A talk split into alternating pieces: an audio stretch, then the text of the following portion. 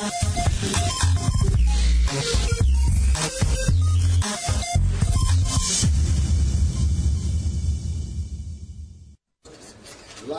je oslobila budala.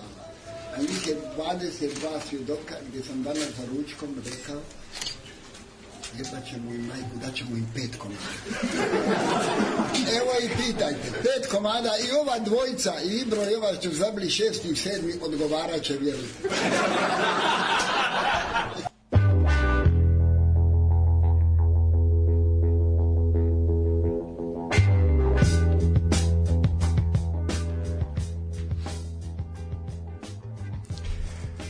Zval da kažem dobroveče. Dobro jutro i dobrodošli ili dobar dan i dobrodošli. 158. put se družimo, a evo treći put novogodišnje izdanje. Uh, ovaj put, uh, iako napolju ne biste rekli da je nova godina, napolju je ni prijatnih 15 stepeni, a mi smo ovde u majicama kratkih rukava, pije se hladno pivo kao da je u sred leta. Uh, dragi moji, velika čast i zadovoljstvo je da predstavim povratnike, ovaj, kao, kao ovo kad prekršaje pravite naš poznat povratnici, ovaj, povratnike u velikane sportske misli, ljubitelje sportskog auditorijuma, tačnije miljenike sportskog auditorijuma i ljubitelji, vole oni sve. E, moji veliki prijatelji i sapatnici i saborci, e, sam u mom levom, u levom ćošku je a, ne baš pero laka kategorija. predstavnik opozicije i čovek koji zaista pobeđuje osmehom svakom svom koraku. Moj drug Janko Fejд. Janko, dobro jutro, dobrodošao. E pa, hvala ovaj, kako se zove na ovom sjajnom uvodu. Ono, prvo, ponovo ima veliku čast ovaj, što sam sa tobom i sa našim sjajnim drugom, ovaj, sa Strahinjom. Nadam se da će biti ovaj, zanimljiva epizoda kao i uvek što smo bili za sada zanimljivi. Ono što bi pre nego što počnemo, stvarno bih želeo ovim putem da putim jednu veliku podršku ovaj, ljudima koji su danas u Beogradu u 12 sati Tako da, ove, i da dočekamo novu godinu, što bi se reklo, konačno onako kako treba. A sa moje desne strane, čovek koji drži apsolutnu rekord slušanosti ove emisije, njegova, tačnije naša zajednička Ludilo Ravnice je najslušanija bila, ovaj, i evo sad, jednostavno čovjek koji kad se pojavi obara rekorde, preduzetnik, što bi rekao Boris Tadić, mala i srednja preduzeća, isto takođe jedan jako, jako drag čovek, prijatelj, strahinja ili ti poznati na Instagramu kao Ježi izdavaštvo, ovaj čovek koji obogaćuje srpsku omladinu i e tako omladinu i starije ljude. Strahinja, dobro jutro i tebi dobrodošao. A izgovorimo dobro jutro ili dobar dan? Dokle je dobro jutro? Pa do podneva. Pa znači Nije, dobro... nego je ovo branč.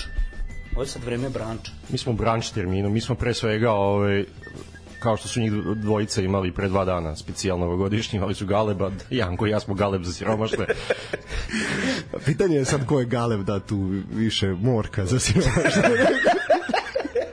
ali Janko može, on je više puta bio u Beogradu od mene, on može da bude beogradska urbanost ovaj, da, da zameni Galeba. Da, ja ću govoriti kao neko ko se seća Beograda koga danas više nema. Da, starog Beograda, da, starog Beograda, starog kadrova. Prle, ja, ekipa. Hoćemo pustiti gde je sad moj Beograd. A gde si sad? Ja bih hteo samo da, da istaknem da ne bih pravio ovo uvode kao Janko, hteo bih samo da kažem da Janko podneo ogromnu žrtvu. Znači, ako je neko pokraden na ovim izborima, to je bio on. Da nije bilo krađe, on bi bio narodni poslanik, ali on je došao u sportski pozdrav. Tako je. Sad su ga zvali stranke šest puta odbio pozdrav, ali... Ovaj... Stigu mu je neki paket, nešto otkucava tamo iza, da. Da, da, stiglo, to je Lutovac poslao. Nije, ove, to je stiglo iz Bundestaga. A, se odljutio Lutovac, ali izašao?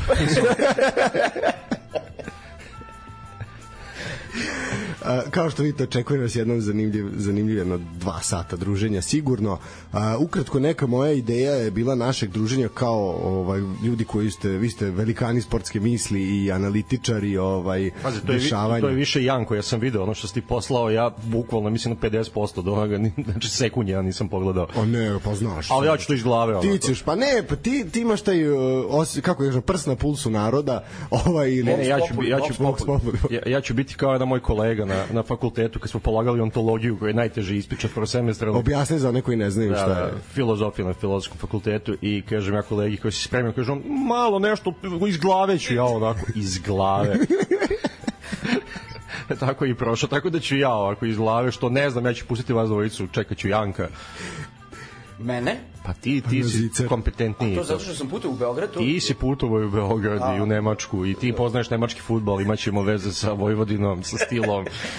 Pa to, to, je, viš, to si pametno rekao. Tako da, da ne dužimo stanku, ja predlažem da ti kreneš prvom tačkom dnevnog reda. da prva, prva tačka, tako je, tako je.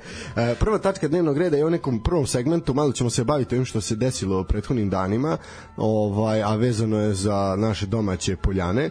Ovaj, imamo nekoliko vesti, nekoliko tema. E, prva i ono mislim da ćemo se najkraće zadržati poput njih u Evropi, a to je Čukarički je smenio trenera, Igor Matić je dobio otkaz, što mislim da je bilo zasluženo i mnogo pre ove pauze, mislim da je trebalo da zaista raskinuti saradnju sa njim. Videćemo ko će biti ko će biti naslednik, e, verovatno će se čekati do početka priprema ovaj da se da se imenuje. Ne vidim zašto neko ne bi za razliku od na primer Surdulice koje koje je Milanović napustio, ko zaista treba biti lud čovjek da prihvati šta mu dole sada radiš ili Niš ili tako dalje. To može samo Psiholjub Đorđević, ovaj ljudi kojima zaista nešto fali ili imaju jednostavno taj poriv za ono Rambo momenat uzem pušku i ganjam sve redom.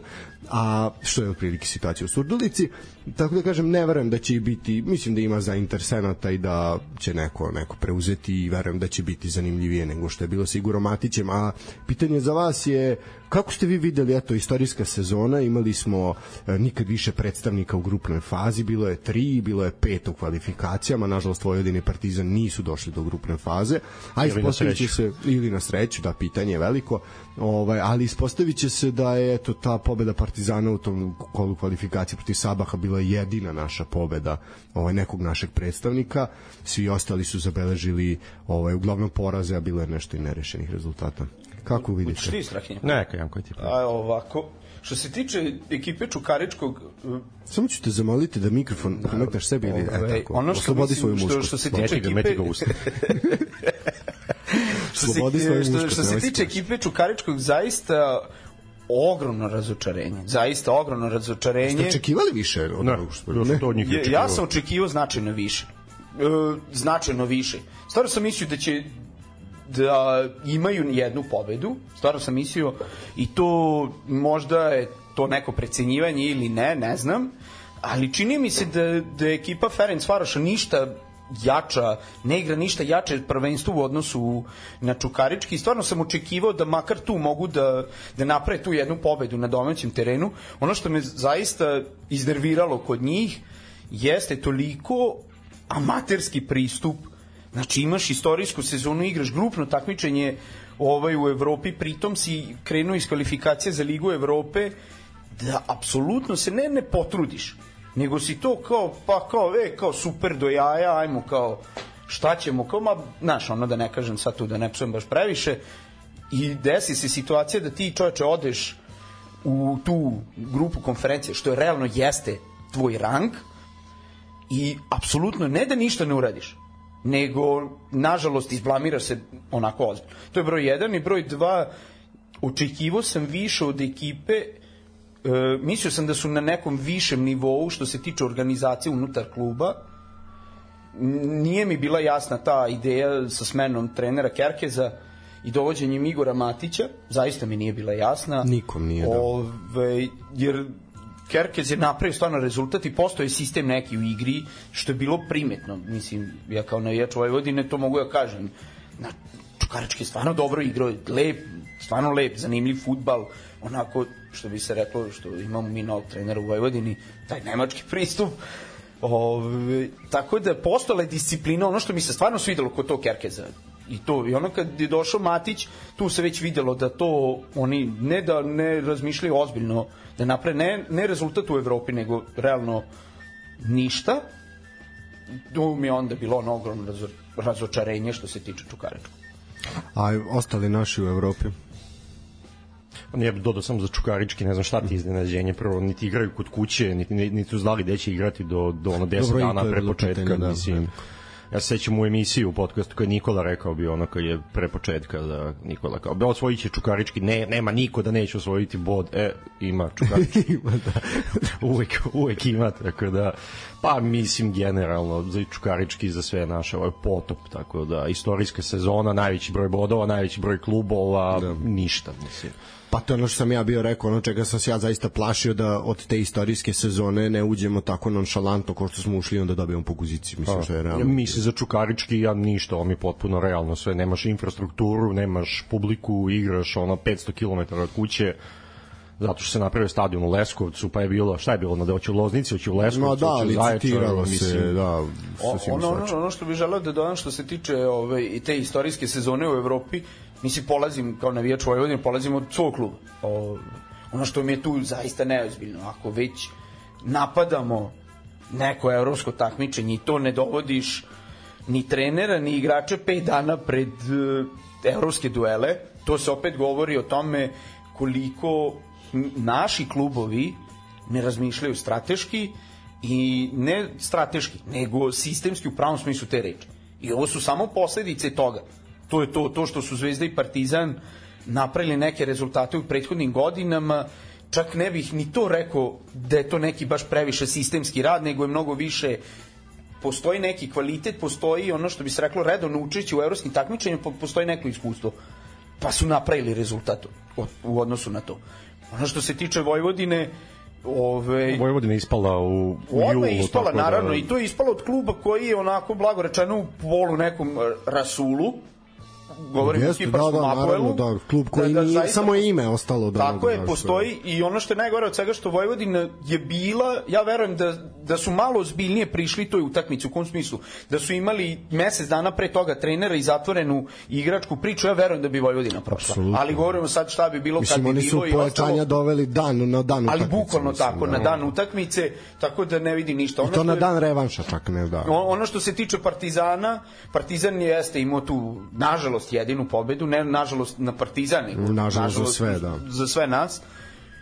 I, ali on, onaj debakl u odnosu na Dance, tu se samo vidi razlika u sistemu i postojanju sistema i koliko oni ne pate od imena, nego pate od rezultata. I to se pokazalo da su ti ove, ovaj, danci otišli na kraju igrali grupnu fazu, napravili su fine neke rezultate. Pa da, i tamo su dali dva puta po isto po pet komada, šest Tako je, dali su da. Fenerbahču u šest komada, tako, tako da mislim ako daš Fenerbahču u šest komada to to nije nikakva slučajnost, nego je već ozbiljno znanje. Tako je. A što se tiče, eto, bili smo zajedno na, ovaj, u Topoli, pratili smo, duše Strahinje je bio sam na West Hamu, mi smo bili na Freiburgu i na West Hamu. Ovaj, kako vam se čini, me, moj neki lični utisak što se tiče TSC da je za njih trenutno Liga konferencije ipak ranka koja im više odgovara i tu bi uzeli neke bodove to, više, to jeste, da su uzeli bodove. Uzeli su bod, ali meni deluju najozbiljniji od svih. Oni, ja mislim da su pametno napravili, da su prodali Ratkova, da su uzeli pare sada od Lige Evrope i da će oni sad sledeće sezone uložiti neke pare, ali sigurno će igrati neko evropsko takmičenje, pa nek bude i konferencija konferencija, ali mislim da tu mogu biti dosta ozbiljniji. Mislim da se nisu obrukali, ne, ne, nisu. bez obzira što su rezultati, ajde, bila je ta protiv Freiburga, onako bilo malo bolno, pa dobro, čak i oproti Olimpijakos, ajde, imali su igrača manje, ali su se potukli nekako. Jesu, no, da su, daš, ono, ok, idemo da se pobijemo, pa šta bude, za razliku od Čukaričkog koji je bio ono, spustili smo gaće, pa šta nam uradite, mislim, prilike tako nemojte delo. jako sad. Nemojte jako, da, eto, predali smo se, nemojte pucati jako, rekli ste da, da će nas poštedeti ako se predali. Ja, to se cuje falilo ove sezone, mislim, u Evropi ove polusezonu domaćih prvenstva. Fali meno dva strana igrača, što ja verujem da će oni dovesti i da pametno skautiraju, da pametno čekaju. Verovatno nisu imali sada neko koji im je prioritet, a nisu hteli da dovode na silu i rekli su šta uradimo sa ovima uradimo, imamo sledeću sezonu meni je to pametno. Ako gledamo kao tri kluba, Čukarički koji je otišao, ništa ne očekujem i dalje sam razočaran posle toga, ako imamo TSC negde na sredini da se negde pametno razmišlja i da imamo zvezdu koja je potrošila ono da ovaj, boga oca i uradila je ništa Tako da budžet jedne omanje države, mislim da. Znaš, imamo kao tri medveda tu imamo, tako da ovaj čini mi se da neku perspektivu ima, da perspektivu ima TSC za sledeću sezonu. Jel ja verujem da će oni biti u najgorem slučaju treći, tako da. A eto spomenuo si šampiona ove države, Crvenu zvezdu koja se takmičila u Ligi šampiona, oni su već u aprilu mesecu ono direktno bili su šampioni, ali direktno su obezbedili učešće u grupnoj fazi Ligi šampiona, to je da kažem bio taj neki istorijski momenat da prvak države ide direktno u u Ligu prvaka, u grupnu fazu i meni deluje da su i oni poput Čukarišovog nekako olako to se shvatili ili, ili su tako predstavljali. E, dosta je tu bilo podizanja neke euforije nepotrebne ti, to pričali smo da milion puta o tome te pripremne utakmice. Da, ono, Fiorentina, Fenerbahče, Zenit. n- nepotrebno totalno gde se zaista toliko a, naložila ekipa da tako kažem i onda zapravo pa i oni su imali moment realnosti zapravo. Taj ok imao si ti 25 30 minuta protiv Citya ovaj gde si pokazao nešto ali zapravo šta si pokazao? Inostrani igrači koje si skupo platio su pokazali neki svoj kvalitet i to je sve. Ništa oni posebno nisu nisu pokazali. Mislim da je gore ovaj kako se zove od toga što što si ti imao, trebao ti je fokus da ti bude na 180 minuta na utakmicama protiv Young Boysa. Pa oni su fokus pomerali, znaš, prvo je bio fokus ovo, pa, Pa, kad se u- dao gol City, poveli smo protiv City, ma mi možemo sve. I onda je svaka naredna bio Pritom, fokus i to je bio on, ono što se tiče Zvezde, iskreno ne slažem se s odlukom da, da Bahar treba da napusti, zato što ono što je po meni najbolje uradio, on je izbacio tri ekstra mlada talentovana igrača ko- za koje zaista mislim da će sutra preko sutra biti stub reprezentacije ove, jer stvarno imaju potencijal No, vidi se, i vidi se da, da od njih možemo nešto da dobijemo ono, ono što mislim da je, da je Zvezda napravila ogromnu grešku što tamo postoji problem koji se zove Zvezdan Terzić i Bahar i mislim Zvezda, da je to Zvezda ima problem koji se zove crvena zvezda. Oni To su je problem po- sami sebi Tako je. decenijama. Ali tako čini da... mi se da je jako veliki problem u ovom trenutku što, ne, mi, ajde, pretpostavljam, da je trener Bahar imao jednu stvar koju on ovaj, tražio od ekipe i mislim da je dobio. Ono što nije odustao, to mi se sviđa, što nije odustao u Evropi, on, on je išao da se takmiči i to mislim da jednostavno Zvezda nije ovaj Ali pazi, pre, nije mogla prevarili su malo ljude bili. Ja se sećam da ste i vi ovde u sportskom pozdravu u septembru govorili da Zvezda gazi ovo prvenstvo, niko neće moći da im se suprotstavi, da će se delovalo. prošetati. Ja tako je delovalo, ono je avgust i septembar, ono do polovine septembra, to je tako I onda delovalo. dođe voždovac, dođu klinci kojima ono još uvek nisu dlake porasle na licu i pregazete. Mislim i Čukarički takav kakav je nesretan u tom momentu ih je pobedio. Aha. Mislim to ne treba zaboraviti. Da. Ne, ne, i to... I, I bilo je ono kasnije i sa radničkim iz Kragujevca, ona utakmica sa Javorom, sa Javorom, da. Surdulicom i tako dalje. I ovo zadnje, ovo što je bilo, ono što sam gledao predzadnje, u stvari, ovo mladost, i to je, bi, Da, da, to je čak, bilo... da. I ovo sa Vojvodinom što je bilo isto sa katastrofalnim suđenjem i ostalo. To, to, to mi se čini da je bila situacija što mislim da Bahar nije se snašao u priču koja se zove srpski futbol. Pa ne može niko da se snađe, zato i ne može ništa se desi, razumeš? Znači, pitanje je šta je tu bilo i sa tim transferima, i gde Pa, su te pare otišle. koga je on i, tražio, da, koga je dobio, da. Čini, čini mi se da je samo Golman Glazer ono što smo uspeli da skontamo da je to njegov baš Pa bio dobro, i Dobro, i on se pokazao kao Ne, ozbiljan golman. Ne, ne, ne, Da, slažem pa se da se pokazao kao dobar, ali Mislim, ja ne da vidimo da smo zadnjih godina imali kvalitetnijih golmana u našoj ligi. Pa vidi, apsolutno s tim da pazi čovjek je zaista ono on je imao proseku ono 15 plus udaraca ka golu, mislim, ok, da primiš dva gola iz 20 udaraca, pa jebi ga, mislim. Mora da Slažem se- se, mislim. no.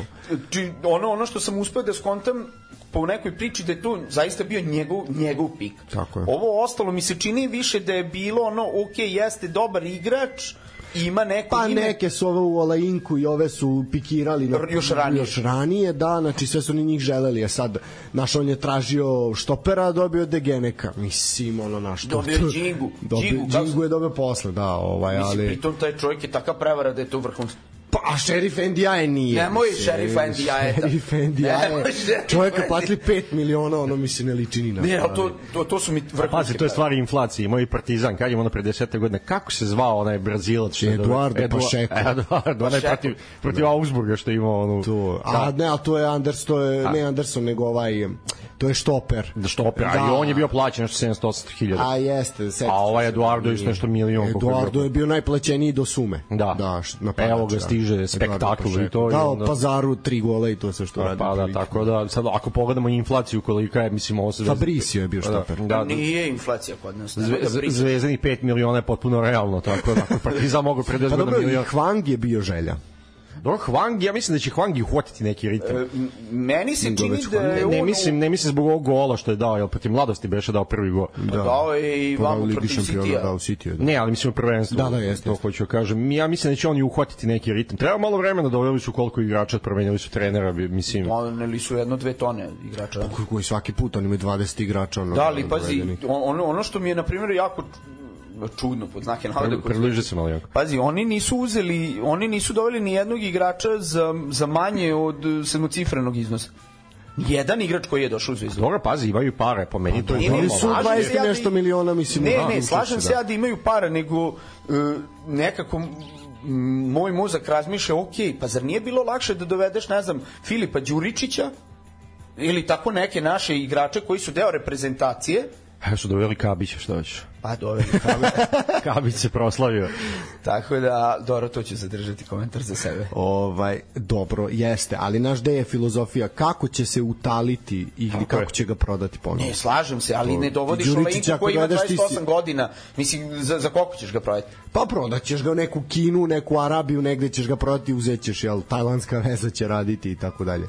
Mislim, očigledno je jasno šta je, šta je poenta. Ajde sad, imali smo, daj da rezimiramo ovu temu nekako da zaključimo naši u Evropi, Srbiji u svijetu, ovaj, e, imali smo pristup TSC gde isključivo domaće Tako je. uz jednog Hrvata, jednog Makedonca Bez ulaganja nekih ozbiljnih.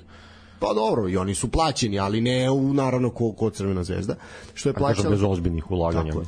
Uh, Imali su Čukarički koji je rekao, to je Imali to. su čukar, čukarički, ne, čukarički fan, oni i ovo vremena što su dobili je previše, što su zaslužili.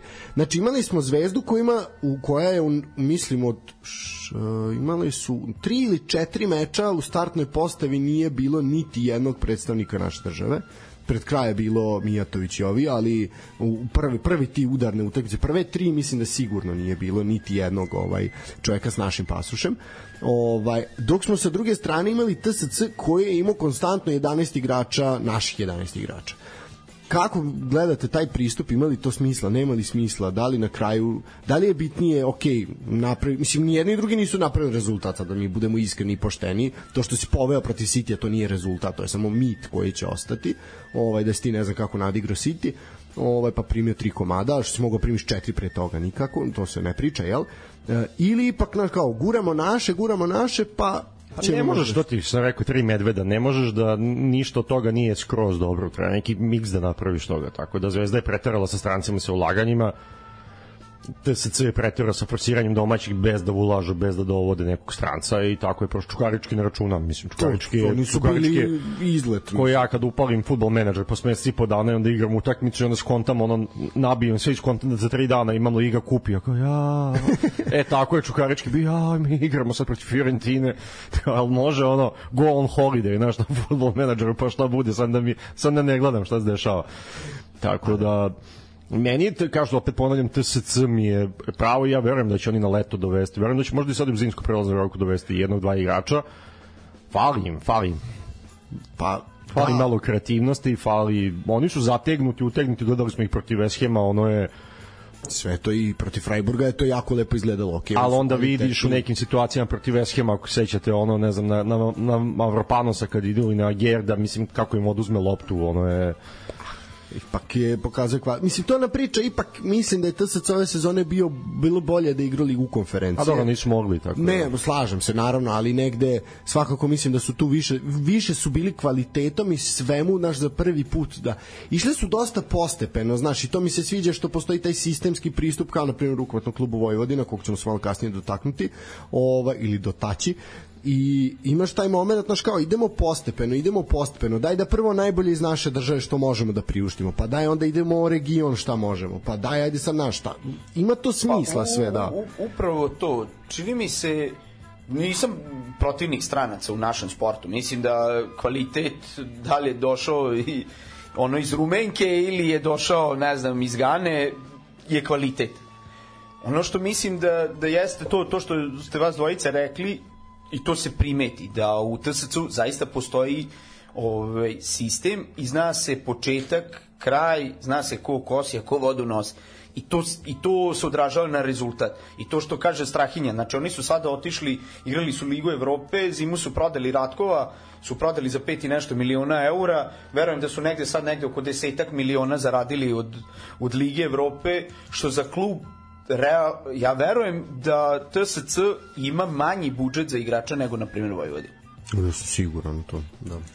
Pritom što za, tak, za takve pare koji su oni napravili, ja verujem da oni zaista mogu da priušte jedno ili dva vrlo, Mogu, ali ja mislim da oni letos nisu, nisu imali takvog igrača kakvog su hteli. Pa da, na primjer, taj I nisu hteli da daju sad milion i po je, za, za za nešto. ime neko, tako je, tako je, slažem. tako je. I da će sačekati, zato mislim da je pametniji i da mogu biti dosta ozbiljniji. Pazi, mi- taj Čirković, na primjer, koji je došao malo kasnije, ali ispostavljeno, on je, Da, mislim, da, mi da, smo da. znali ovde kako igraču se radi, on je top pojačanje, mislim, to je, znači, bolje je i sačekati malo, pa da ti dođe Či, nešto čini mi se valja. da, da će sada e, TSC kupiti igrače, zato što opet razmišljam da strateški razmišljaju.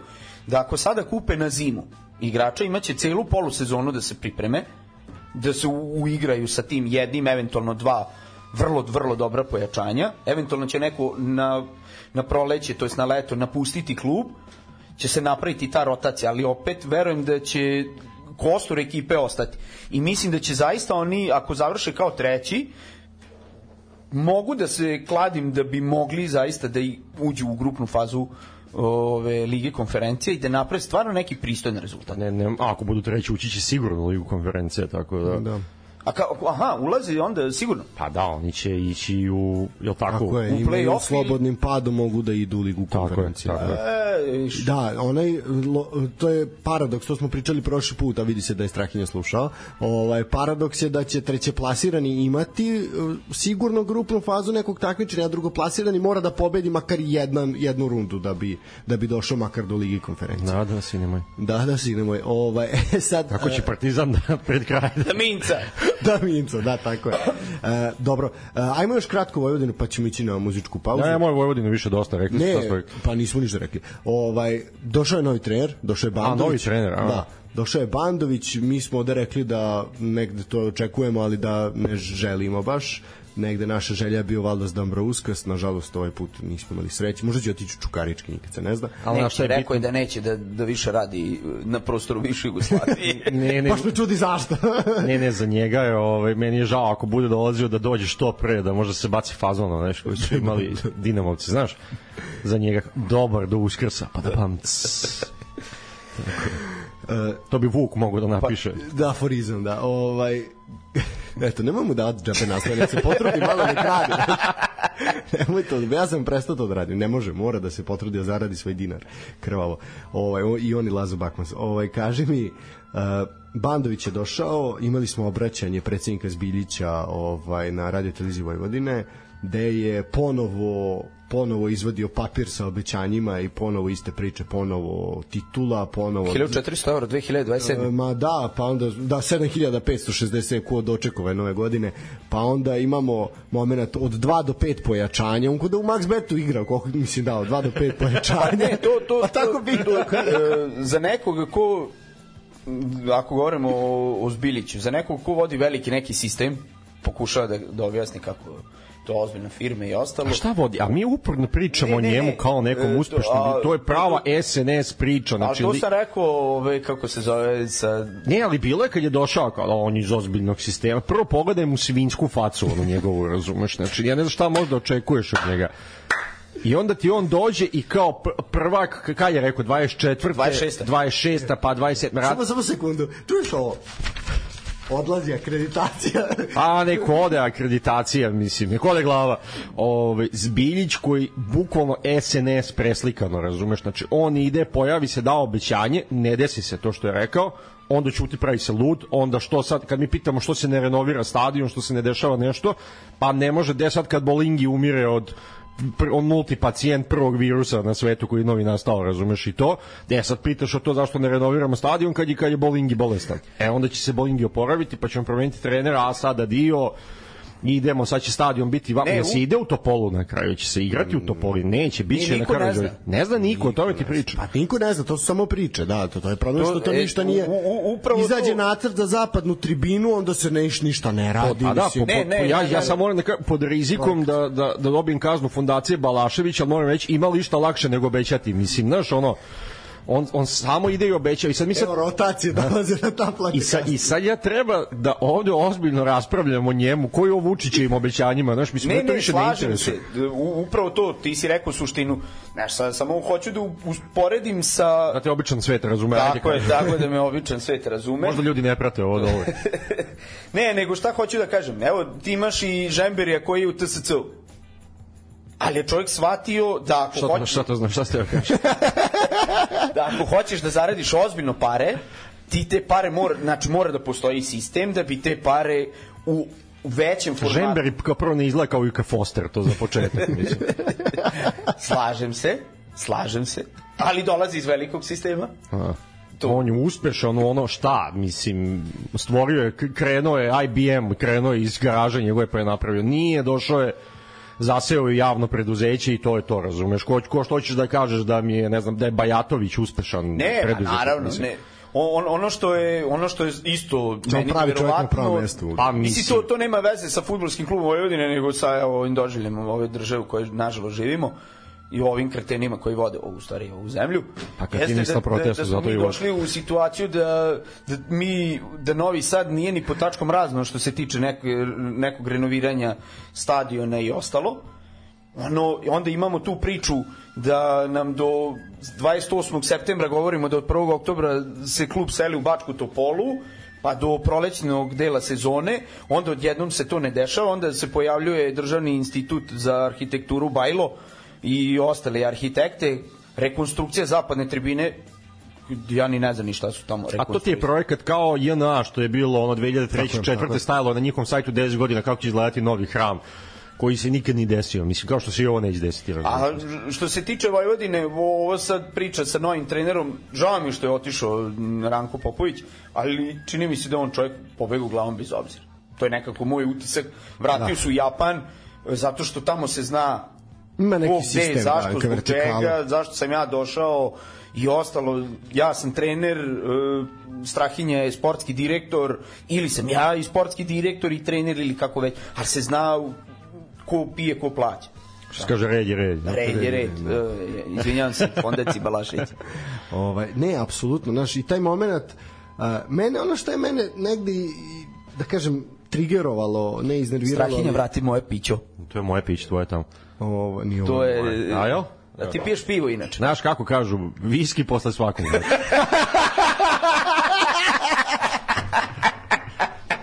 Pivo posle nikog, vino posle nekog, viski ili rakija posle svakog, tako da, evo sipaću.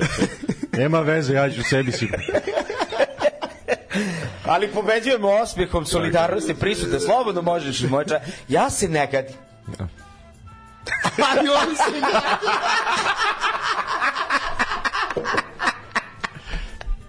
Ajde, nastavimo još za moju vodinu, ajde pa da idemo na pauzu. idemo na pauzu. Ovaj, ne, uh, naš taj moment, sad ćemo da se slikamo kako smo zagrljeni i mi smo puni ljubavi, eto, žao nam je što odlazimo, a taj, ki, taj, taj osmeh, znači taj kiseli osmeh i jednog i drugog, dok tamo u tremi su zagrljeni ide, a sada dio, znači to je, zašto to radite? Če, čemu onda to taj moment, znaš, nemojte to raditi, nemojte, zašto, zašto imate potrebu, mislim, ja ne znam, i, i šta, E, kao da je pre, te, e, da toliko pretendenata Lovio.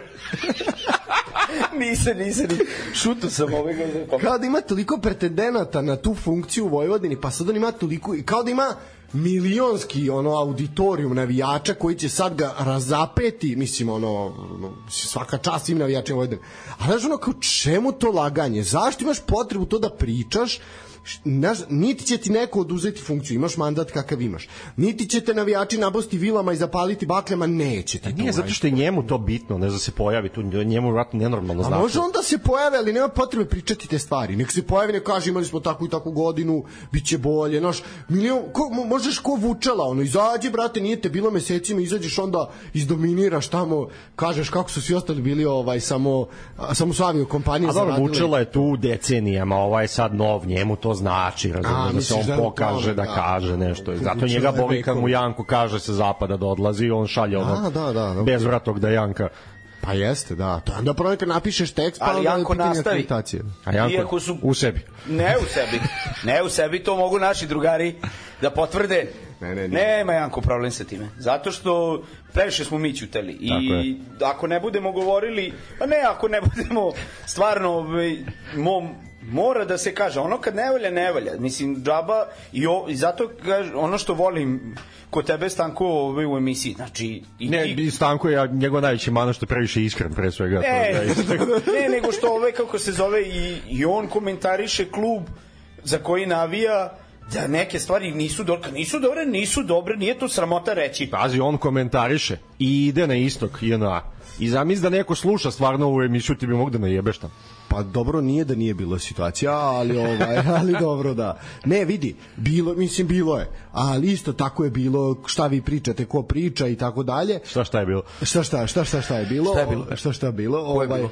ali ne, vidi. Uh, nije ni to što ti kažeš nije da završimo sad ovaj deo nije, nije uopšte ok nešto ne valja idemo nešto da promenimo. Znači e, ja smatram i moje a mislim da i vi to isto mislite da ako se nečemu priča i na nešto se ukazuje ne ukazujemo mi da bi se rugali nego ukazujemo ljudi tu je problem ajte popravite da to funkcioniše. Zašto ne može da funkcioniše znaš?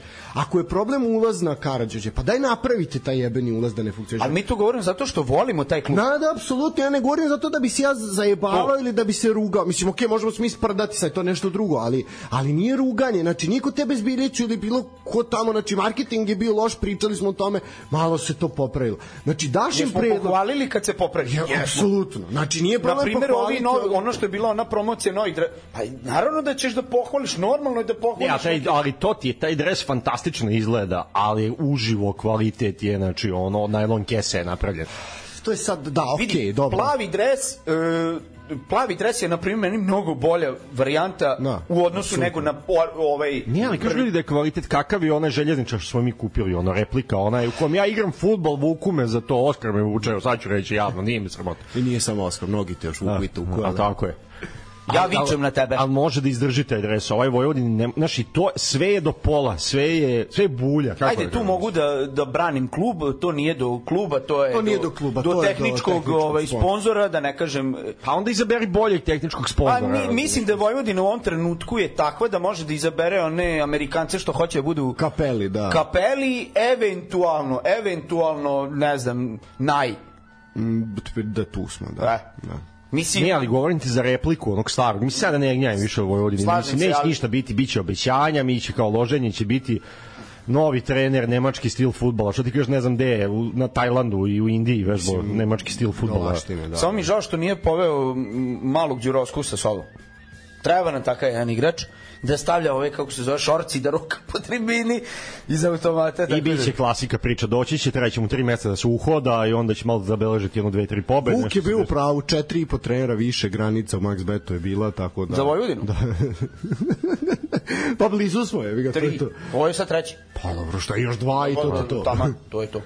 To ti je to. Idemo u aprilu i to je to. A, a vidi, Prelazni do, O- do letnje ono što pauze. je ono što je ove kako se zove cilj Vojvodine to je kup je naš Tako da, molim lepo, sad tučemo Čukarički u četvrt finalu i kup je naš. Čukarički koji nismo pobede u kupu prošli put iz dva puta. Duše Pa to nije, Uroš pa zato što se Zločin nije koji- smelo. Nije se smelo. Uroš strelja. zločin koji Pa, traje. d- pa on je u ove, kako se zove, debelac. Znam ja, pričao je jedan čovjek na Balkan Info. Aj, pušte muziku. Slušamo Clash, ajde, uživam. Nastavljaju sa prozivanjima sa tribine, to naravno ne treba da utiče, kao što i ne utiče na izabranik Nenada Milijaša, koji su došli do izjednačenja. Šta ti pričaš, majmune jedan? Ti nekome da kažeš prst dole, čelo, ćelavi. Evo ti mamici pički. Upravo u ovim stvarima se razlikuje Crvena zvezda i zvezdaši od ostatka da kažemo stanovništva jer cigani su gospoda za sve ostale ako nas već tako nazivaju.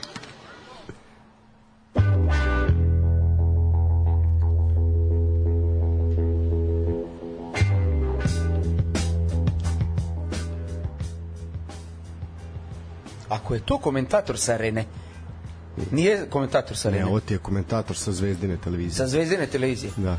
Da Zvezda Bog hit. da, da Bog da im ugasilo televiziju. Ne, Ona su gospoda. televiziju, ne. Oni su gospoda. To kad vi pobedite, Ne, pa molim gasite. te.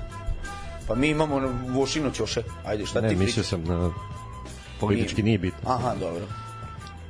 Evi da je stalo ti bio na protestu, ne bi bio. Pa nije, ja se obraćam i tom Ne, dragom ne, kućanstvu. potrebno je sa svih frontova udariti, Tako je, tako je. I tako je, ovo je tako je. dosta uzak Ne, mali front, ali... Zaista, ovo, ovo što su... Ovo je baš studenti- niša, niša. Ne, ne, ne. Ove, sad bez zezanja, ove, pa ćemo se vratiti. Ove, ono što, što su ovaj, dragi studenti i studentkinje, znači 24 sata ostali vam u Kneza Miloša i to stvarno svaka čast i to i stvarno mi je žao što, što nisam danas sa njima u Beogradu. Nadam se da, da će biti ovaj, kako se zove, pristojan broj ljudi i nadam se da će Rade Šerbeđija otpevati Ne daj sines. Pa bio je na Spensu pre neki dan. Pa zar nije Bio bio u Baču. Bio u Baču, Koliko njih ima? napolje. Ha? Ba da, bio na Spensu. Bio je na Spensu, Vidio a, sam Aljoša a danas Boruša je- slikao sa njim, pa sam tako vidio je, da a je bio. danas je specijalni gost e, na proglasu. Jel? Da. Ja, će plače danas. I oni koji su... A nije to Vuk Drašković. Ne, ne, da, znaš, kad, ono, Malo je. kad, kad, kad, Da, otišao si glas. Pa ne, ali kad zakameči, kad mu pune oči su, setit će se nekog preminulog se. prijatelja njegovog, Ne daj se. koji je baš na protestu. Tu ja moram da kažem samo jednu stvar za protest, ono, na onom trećem piću na kojem jesam, da apsolutno podrška i sve, ali juče kad sam čuo da su studenti na blokadi svirali na gitari ex rock pesme, moram, moram priznati da sam poželeo žandarmerija da uleti. Nemoj biti takav, nemoj biti. Malo čisto da, im, da ih usmeri, jel? Ali malo, da, zbog muzike sam. Dobro. E, drugi segment ove naše novogodišnje praznične emisije i ovako vidite da raspoloženje zaista na nivou što da kaže Strahinja na trećem piću već je ispolivo i sebe i već curimo Ovo iz je treće piće, ja pijem samo vodu. To nas dvojica, a što smo profesionalni, a on ti... Ovo je što meša tamo pivo s 12,5% alkohola. nekom Ovalili mi, nisam znao. Šta rekao, udara u glavu ko šampanjac dobio. Droglav ko bosanac ovaj, a kako, kako ste tri podvalili, a jedno, ali tri. Nije, jedno sam popio. Nemoj da lažeš tri. Ljudi, imamo audio, video i sise. Sliku tri, tu četiri, još viske. I unučić je ovde. Ajde, nastavljaj segment, ajde, imamo još 20 stavki, nećemo završiti. Kad počinje ručak, to ti Ne, je. ne znam, ovo, Jelena kad počinje ručak. Ovo je test da vidi da li se sluša, pošto Da, da, sluša poslove, sad valjda sluša. Ovaj, da sluša, da. E, dobro. E, red bi bio da, pošto sam našao Olju Bečković koja ovaj svoje nogice lepo prekrstila sliku za naše što me pogleda. Ovaj da vidimo šta je to utisak godine, ono na šta se sumiraju sum- Blicova lista 50 najmoćnijih i tako dalje. Ovaj sumira se neki utisak prošla je godina je za nama, ostale su samo još četiri skakaonice, ovaj gde je jedna već odrađena. Sutra su kvalifikacije za drugu. Uh, svašta se izdešavalo, bilo je i prvenstava i reprezentacije i pojedinačnih uspeha i tako nešto, pa bih ja eto čisto malo ovaj s vama prodiskutovao šta je to po vama nešto što je obeležilo godinu i gde mislite da onako šta je šta je neki utisak vaš vaš utisak na vaš najjači utisak ovaj godine sad se javite Nebojša iz Beograda ovaj da čujemo šta šta on kaže znači e, negde ono što sam ja izdvojio nekoliko stvari to je svakako Novak Đoković koji je juče ili prekjuče dobio nagradu za najboljeg sportistu, laureat je dobio. Ovaj čovjek koji je uzeo eto 10. Australian Open, uzeo Roland Garros, US Open, Wimbledon izgubio u finalu, ovaj i osvojio ovaj završni Masters, jel, ATP turnir. E, čovek koji zaista je to borio rekorde po, po titulama, po vremenu koji nalazi prvo na prvo mesto je ATP liste, znači, a pritom je zaista sad već u nekim godinama, da se tako kaže. Uh, pa na primer imamo Jokića koji je uzeo još jedan prsten koji je bio MVP finala ali imali smo i taj moment neke Košarkašku reprezentaciju koja je... upravo da, kontraverze da nije nastupio za reprezentaciju, pa se tu narod podigao. Znači imali smo u mesecu, obeležio sam koji mesec je bio. Da, u junu je bilo Jokić šampion, NBA, MVP, sve super, super. Gleda se u Somboru, u da, zadružnom gleda domu. se s- celu noć, ostaju, cela država ostaje budna i onda samo mesec i po dana kasnije iz Ustaša izdao je, prodao je Kosovo vamo tamo, jer eto nije hteo da nastupi iz ličnih razloga koje potpuno opravdavamo, ovaj nije hteo da nastupi za reprezentaciju. U septembru košarkaši uzimaju srebro, na primjer, to je nešto što mislim da niko živi nije očekivao. Uh, to je negde onako možda moj najjači utisak da zaista nešto što nije bilo nije bilo očekivano. Uh, imamo i to da nakon 24 godine ćemo imati reprezentaciju na evropskom prvenstvu pa počinimo ovaj šta je vaš najjači utisak? Pa možda ako gledamo reprezentativno, možda basket sigurno ovaj, srebro, tako da bukvalno niko nije očekivao to, tako da... A te promene raspoloženja, ajde tu kad smo kod basketa i sve, znači da imamo uh, mo, Jokića koji, eto kažem, spa, nik, cela država ne spava svi, a Jojon je naš naj, najveći, najjači, najbolji, najbolji košarkaš, sve, sve i onda bum, Pa dobro, to, pričali smo hiljadu puta o tome koji sve kod nas, mislim, od, od dizanja u nebesa do bacanja u blato, mislim, dizaće ga opet u nebesa, tako da... Zaboravit se brzo. Ja mislim, ne, nema dileme da je to vrhunski košarkaš, možda i ispostavit će se vratno kad završi karijeru najbolji iz svih vremena koje, kojeg smo imali, vjerojatno iz svojih prostora najbolji iz svih vremena ali čovek koji u nekom, ne znam, raskoraku sa svetom i sa samim sobom, meni nisu jasne brdo stvari, stvari nije mi jasno kod njega ta mislim prvo to zarađuješ te na kraju će se ispostaviti milijarde verovatno. Ti reklamiraš neke kladionice ovde ti podržavaš Vučića mislim ali to ja mislim da on u suštini ne zna to. Njemu ta njegova braća ona do debilčine verovatno kažu pa mislim jesu da, debilčine da, ajde se ne zajebavamo. Da, da. mislim kako se ponašaju kako izgledaju mislim. To je verovatno neki njihov pa, pasoš ovde u Srbiji da mogu da, da na, na, na kokšu da udaraju mene na pešačkom prelazu. Verovatno je to cena Jokićevog potpisa, a on onako, mislim, on mi zaista i deluje kao neko koga jedino basketa interesuje i konji. A i, a i taj basket baš ga ne interesuje, da, nego da, deluje da i to nakon nonšalantno nekako ide. Pa zato nonšalantno je zato što je, mislim, ono, genije košarkaški, tako da onda to sve deluje nonšalantno. Aha, misliš zato što se osjeća tako prijatno na terenu? Pa da, mislim, to ti on kad vidiš njega deluje ti, pa to mogu i ja, tako, mislim. Pa to, to, to, to, to, to, to, to je kod velikih majstora tako, tako je, da, i to je, to je jasno kao dan, i interesuju ga ti konji i verujem da ga isto interesuje njegova porodica, verujem da je on divan da. muž i otac i, i, i, i brati i sve što treba da bude, ali mislim ne znam, ja više iskreno ne volim da ga vidim u reprezentaciji, ne zbog uh, ne zbog otkazivanja ovog koji ima ove godine, nego jednostavno zbog ove podrške Vučiću i zbog svega ovoga. Mislim, ok, ja, ja opet kažem, ja ga na neki način branim i kažem ono u suštini ni svestan verovatno šta radi, ali ne bi voleo, ja sam uvijek voleo da, da vidim i u toj reprezentaciji da imaš neki ko, da imaš neku košarkašku neku veštinu, da ima, ajde da ima neki stav, da nešto postoji iza toga, da bilo šta, ne mora biti politički, ne mora biti, znaš, ono, zato mi taj Tomašević, svi koji su mi bili odvratni i ranije i sad se pokazuju da, da, su, da su mi odvratni, tako da... A Tomašević posebno, da. Da, tako da iskreno ne bih voleo više ni da ga ni da ga vidim Čak Tomašević više nego Rebrača na primjer. Jer ja mi imam utisak kad bi se kad bi se on i zaista rekao kaže ok, sad ću da odigram da li je sad olimpijske igre ili ne znam ja šta, da bi došao onako, dosta preko penisa bi došao i da bi tako igrao i da bi poremetio celu koncepciju svega i da bi se vuklo, imali smo kod kad to bilo, kad je bilo pre tri godine, kad je bilo ono, šta je bilo svetsko? Ne, on je igrao na evropskom prvenstvu ovo poslednje. Tako je, da, kad smo izgubili od Italijana. Da. je igrao. To, to, to, to, to. Pa onda jedno nije igrao, pa je ono tamo igrao olimpijadu, pa je tako da malo, malo hoću, malo neću. Meni kaš košakašicu mi možda naj, najveći utisak i opet ostaje ta žal, uvek je bilo ono, i, i ranije protiv da. Amerikanaca i protiv Slovenije 2017. u finalu i uvek kao uspehe, ali malo ti fali. Ne, vidi, ta Nemačka je bila zaista toliko dominantna na prvenstvu, su apsolutno zaslužili. Ne, apsolutno, da. Priče. Ne. Mislim i da smo mi pobeli bilo bi zasluženo, ali Nemci zaista toliko utakmica bez poraza, zaista svaka čast. S druge strane, od naših momaka ne da nije niko ništa očekivao i opet se po milioniti put pokazalo da kad nema euforije, da kad nema nema toga, ma mi smo najjači, mi smo najbolji, tog pristupa društva i medija, najviše mediji su to najveći krivci po meni, ovaj oni zakuvaju atmosferu. Uvek, da su tu uvek nekako ostvari neki ne, ne da, nego dobar da. rezultat. Da dalje to odbojka, košarka, dalje rukomet, vaterpolo, da šta god. Mislim, evo imali smo prvi put da je vaterpolo zaista na jako niskim granama posle do, dugo, dugo vremena. Eto, vaterpoli su bili četvrti i to su srećno prošli na one peterce, na kraju samo četvrti. Baš onako, eto, negde, negde neki moment koji smo bili isto u ljuljkanima, mi to sve lagano, Pa Boga mislim mi da ne, mi, mi, što, što se tiče Waterpola, Ove, mislim da ne, zato što stvarno smo otišli ne sa drugom postavom, nego smo otišli zaista sa nekom trećom postavom. Imali smo tu nesreću da si Mandić i Jakšić su bili povređeni kao nosioci igre.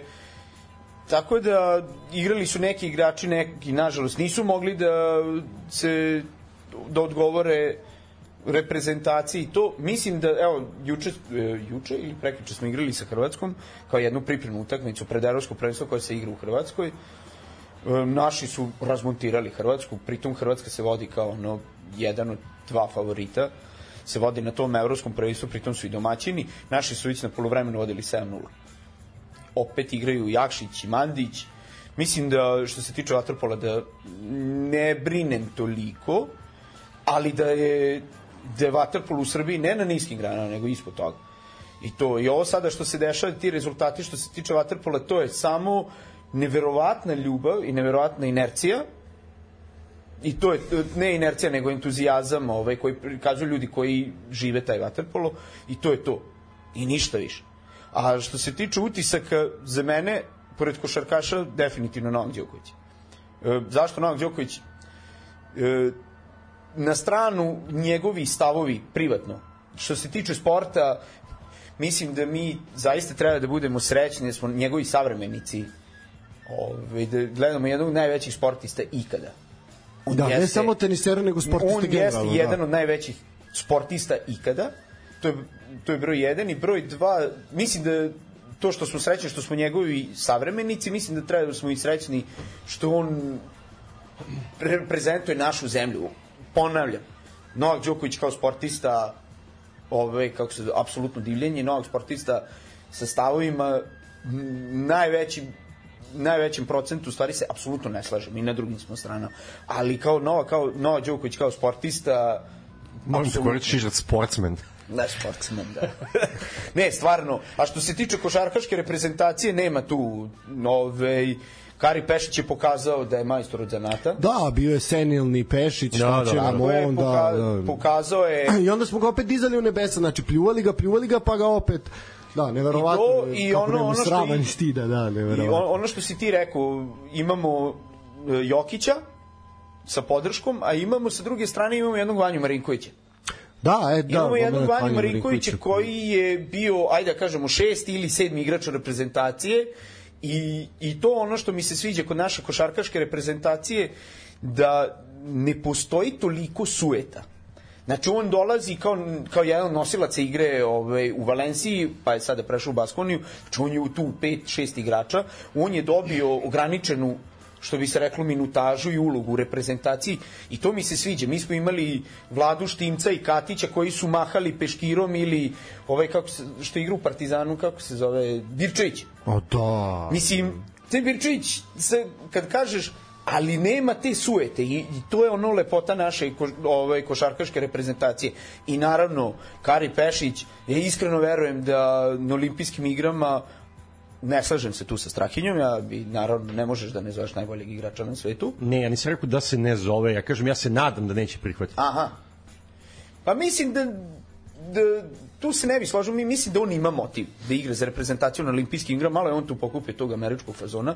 Mislim mm. da mu je mm. malo to znaš, zanimljivije da se potuče sa tim Amerikancima na olimpijskim igrama nego sa nekim šestim ešalonom američke reprezentacije na svetskom prvenstvu. No, vidjet ću ali ono ono što hoću vezano za, za košarku, to, to što ste rekli, uh, ja, mi znamo da je Tomašević uvek bio sa te druge strane.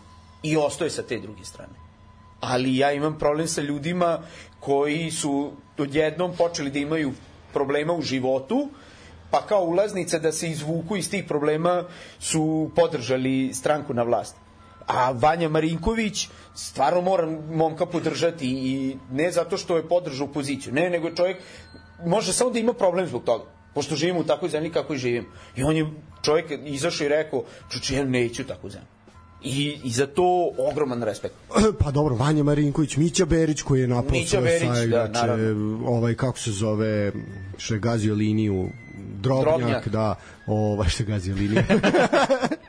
Uh, da, naš Drobnjak je ono kao, pa i Dači Kudinović, znaš kao pa ono... Pa Bodiro ga, mislim, Bodiro, ono... Bodiro, najveći, da, da. Ne, najveći da. igrač koji nije igrao, ove, kako se zove, NBA. Da, mislim... da. pa bio, ne, mislim, najbolji strelac Euroligi koliko godina držao rekord, mislim, zaista, naš, sa, sa jedne strane, i onda do, izađe čovek, čovek je da pritom i bio da držao govor i sve, mislim, i ono, ipak malo, mene, mene samo znaš zanima da li ih je pecnulo malo, da, da li ih je malo sramota, a Tomašić koji za to vreme igra kolo sa onim babama, mislim, da ono... Tomašević mislim da ne. E, To, Tomašević jedan kroz jedan apsolutno veruje u to. On veruje u tu priču koja se zove predsednik i... Ne verujem niko u tu priču. Ne, ja mislim da on zaista veruje. On veruje u... Ja ne mislim da Pa ne bi imao dobro, ajde da- udruženje da- da. koje se zove, kako se zove, sve srpski pravoslavni sportski savez, kako se već ne Da, da, mislim. Znači, on apsolutno veruje. Znači ti ne mogu u tom budeš u tom savezu. Da? Pa sad... Ovaj, a dobro, ajde sad da se odmaknemo malo od ovih uh, kole, kolektiva. Imali smo Ivanu Španović, Ivan Vuletu, ek, ex Španović. Ivan Ona za mene nikad nije bila Vuleta. ona je za mene uvijek bila španović. Ivana, ja te volim. da, ovaj...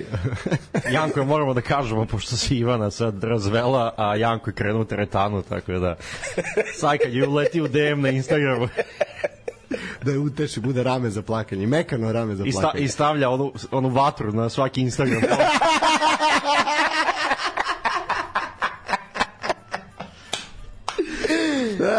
Strašno.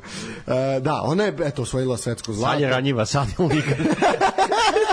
Sad ili nikad. Pa, sad znamo kakvi smo mi frajeri, možda za jedno 30 godina, otprilike tu. Da, ja sam frajer, čira, čira, čira, vežbam teretanu.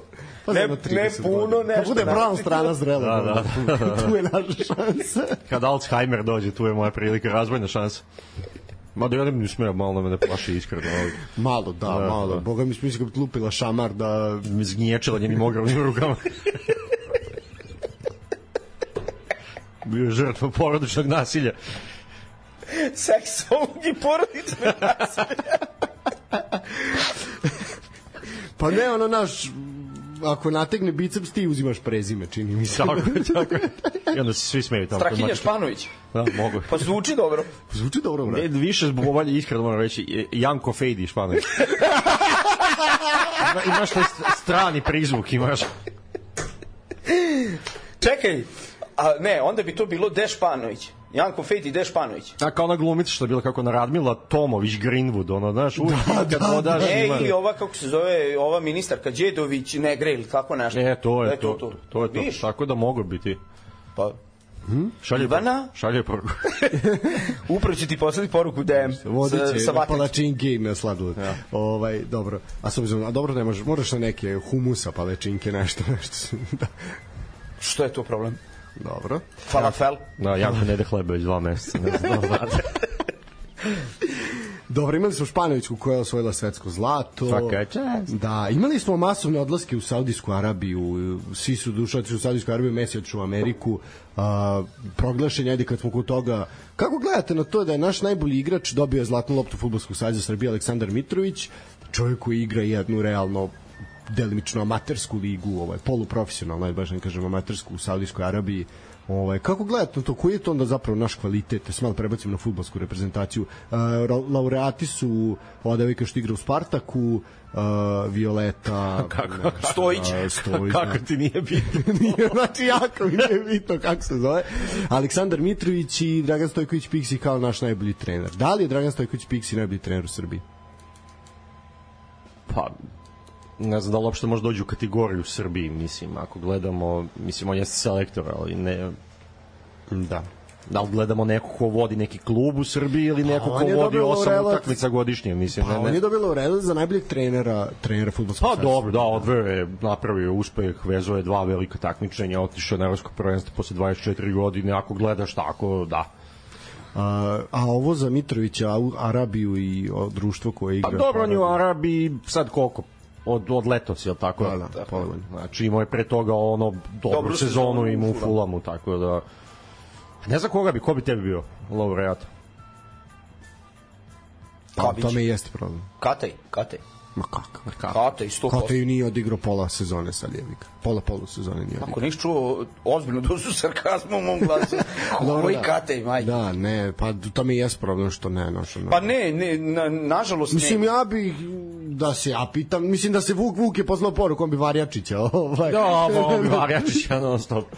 da, Aj, pite ga da pošalje aforizam, ovaj, pa ne znam, mislim, po meni, ajde, možda je sad malo, malo nerealno, ali ja bi i Feta Đakovca stavio za najboljeg, za najboljeg futbolera države, realno, Kristijan Belić, Đakovac. Ali ne, ali to je to pitanje šta se gleda, najbolji igrač koji je ima srpsko državljanstvo ili najbolji igrač koji igra... u- Najbolji igrač koji ima srpsko državljanstvo, Da. to je fudbalsko Pa savez. ne znam, mi misli da u ovom trenutku, ajde, me, meni je realno Mitrović, ne, ne zbog čega, zato što jeste on zajedno sa Dućom, sa Tadićem učestvovao u, opet u najvećem procentu, koliko 70% svi golova reprezentacije i tu smo se nekako jedva dogegali do tog e, evropskog prvenstva, mislim u takoj kriminalno lakoj grupi da, da, da nas je ono sam svevišnji pogledo. Iđi, iđi malo.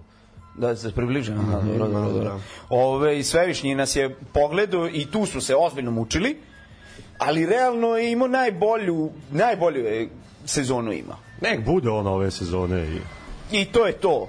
Ali ono, ono, mogu da razumem Čovječe, ti si dobio, kol- koliko on, on, koliko on sad dobija? Nešto, neke nenormalne Ja mislim da dobija, da sam ja video futbol menadžer, baš sam ga pogledao, mislim da dobija nešto valjda od 400.000 funti nedeljno, ali tako? 400.000 funti.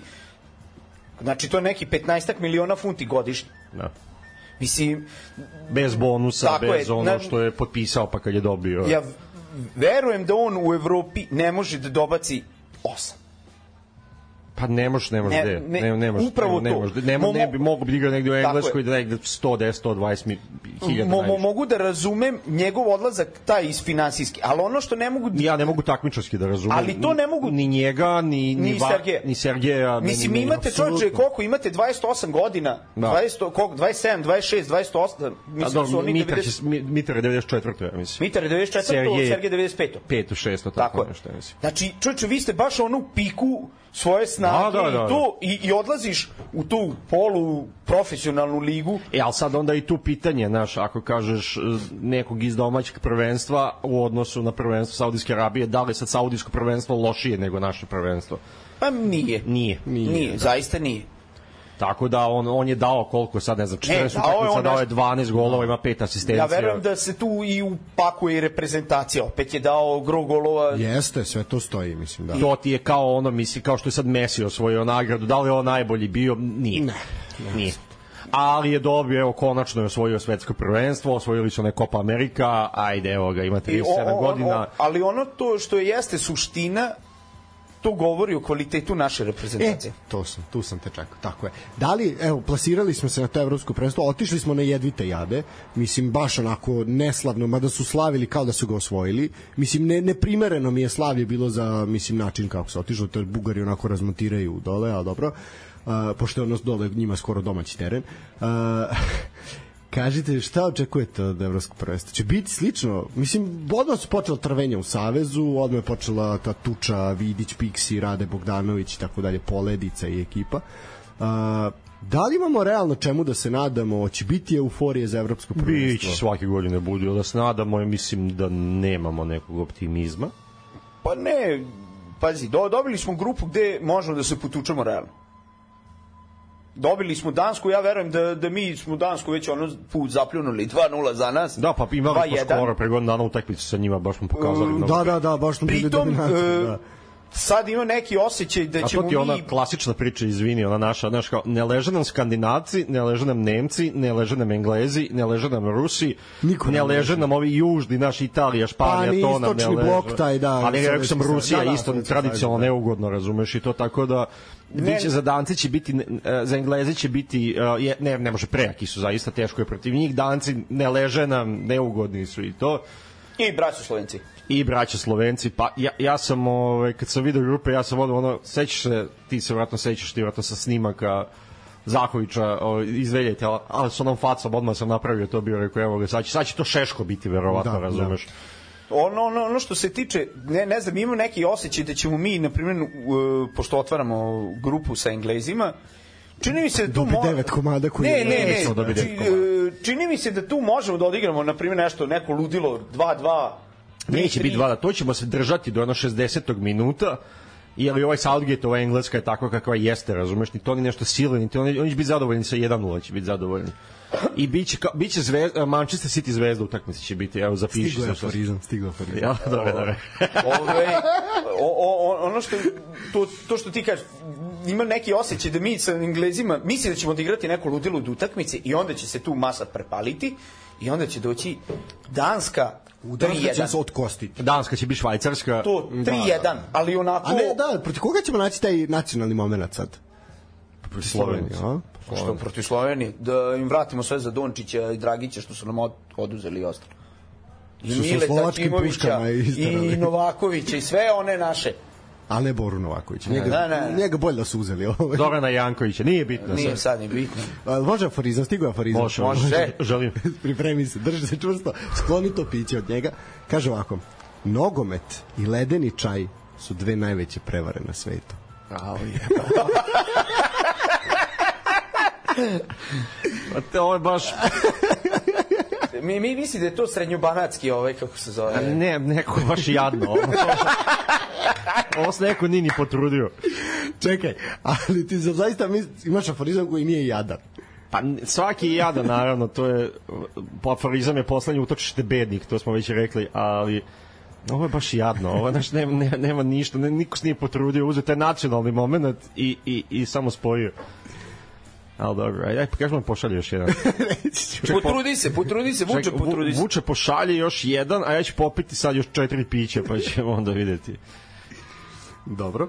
Uh, Ja kažem, da- ja mislim da za evropsko prvenstvo ne, ne, ne, ne, nema nikakve šanse da... pa Pa mislim, možemo, ko, koliko sam skonto, te- troje prolazi iz grupe. Da, ali mi nećemo biti. a mi nećemo biti u tri. Mislim, vidit ćeš. Ovaj, pa ja verujem da... Ja, Biće vam krivo. Pazi, e, e. Nadam se. A, samo ću da kažem retrospektivu jednog momenta koji se desilo, recimo, to je bio neki kad oktobar mesec prošle godine, Uh, kada smo sedeli u Sava centru renoviranom tada u ovaj na prostorijama Arene Sport gde je među 20 i nešto polaznika Stanislav jedini rekao da ćemo biti četvrti u grupi na Kataru nekako to tučemo ove tučemo one evo nas do polufinala evo ovo je ono na kraju smo bili četvrti. Ovaj pazi ja ja garantujem da će se desiti neka glupost ponovo. Nešto će se desiti u savezu, vidiš oni ne mogu da, da to to je znači cirkus koji traje. A, jednostavno mislim da što kaže držat ćemo se protiv Engleza i samo od njihovog motiva i želja zavisi koliko će Imaćeš nas to, imaćeš neki cirkus u Nemačkoj sa našim i engleskim navijačima. Apsolutno. Imaćeš sa slovenačkim navijačima, imaćeš svima, imaćeš Neće, sa klad... Slovencima neće. Što će biti kolo, će se igrati u Minkenu, tamo na Marijan placu. To će biti ono žurka biće, armonika će raditi i na Golici i Imaćeš Užičko. to, imaćeš kladionice opet sa nekim onim zastavama, tri prsta neka, nešto, biće Pa, paljenje i to je to. A, ajde, A nije ali uspeh otići svakako posle pa 24 mislim da godine. je od ono koliko ima država u Evropi 48 koliko ima država u Evropi? 53. dobro A, i ti ideš u 40 ono, 54, ja mislim. E, Sad pa to je sa Zvezdićem. Jesam ja član državotvorne stranke, pa I onda To je ti, pa, pazi, ovaj, i ti onda, naš, kao slaviš uspeh, otišao si jebate 40 reprezentacija ide, pa daj, ono, naš, nema... nije 40, 48, ajde, nemoj sad idem pritrivati. Pa, mislim, naš, ono, i sad, kao, to je sad ne znam kakav uspeh. Pa, pa svi su se kvalifikovali, ono koji znaju da šutnu Da loptu. nije sve bosanci. Pa, do, i oni čak imaju šansu još jednu, Da, da, toga što da. su kriminalni, imaju opet šansu da odu, mislim, što je ono zaista, da što dokle jebo, onda ajde svi igramo, to Evropa, cela Evropa igra i kraj, mislim. Čak i ja, pošto nisam država otvoran, da mogu samo javno da kažem, pošto smo pričali bili pre emisije, kako će Vojvodina dovodi reprezentativce okolnih zemalja, kako je to, pa sam ja predložio da se Kosova dovedu reprezentativce. Pa ima dobrih igrača. Ima. Ima solidnih Ja bi onog Milota Rašicu doveo i Jeste, Rahmani. jeste, jeste, jeste. Milota Rašica i Rahmani. Jeste. I Vedat Murići. I Vedat Murići. A eto, TSC je doveo Mirčevsko koji je reprezentativac Makedonije, bio najbolji strelac lige, čovjek je džoker kako ti ušao. Kad mogu tablice, mogu i igrači, tako da. Apsolutno. I dokumenta. A, da vidimo. Dobro, imali smo Nikola je poslao njegov utisak, to je kaže Napoli osvojio, osvojio Scudetto posle 33 godine, apsolutno. A, nisam znao tako široko idemo, da, pa Da, jeste, idemo, jeste. da, i malo ćemo, sad, sad ćemo se baciti malo. Da, sve. na- Daj, vadi stolni tjedni spisak. A Bodo Glimt u Evropi to, to nije utisak. Sve je utisak, pazi, sve će biti. Uh, šta imamo još ajde da malo nacionalnih još momenta, pa ćemo onda otići na Evropu i svijet. Uh, da vidimo šta smo rekli. Rekli smo dobro. Uh, da, imali smo i basketaše, evo to sam izvio, i oni su se Pa vidi, to, da, to, je to, nema, to, priča, da. to što oni rade, to je stvarno spektakularno. I imao se slavosti, ono, i Mikec, i... Da, dobro to st- streljaštvo i to i Arunović i Mikec i ono to je zaista ovaj tu zaista svaka čast. Mislim, i ti ljudi u, s kakvim, u kakvim uslovima rade i šta I Zurab da, da švili Dao neko završio Sijaner, karijeru. ne, da. Da, Završio karijeru. Završio je karijeru. Pa dobro, i uzeo je medalju čovjek i sve, nema šta, svaka čast. Nacionalna penzija. Nacionalna penzija. Malo okne da održava kvalitetnim preparatima. I to u Saburtalu, što bi se reklo. da radi. To u Saburtalu živi sa nacionalnom srpskom penzijom. Ne mogu tamo tamo šipkama tuku, znači. su ga šipkama. Osjećao je kako su ga sekli šipom. da, da. A, pa da. Napoli, Napoli, da, Napoli, definitivno. da, dobro, to isto. Pa eto kažem, sad ćemo, sad ćemo se baviti malo evropskim, evropskim stvarima. Napoli sad i ponovo onda 2058. titula. da, da, da. Pa ko voša? A, Ko voša? Tu su, da. Tu smo. Prilike, prilike.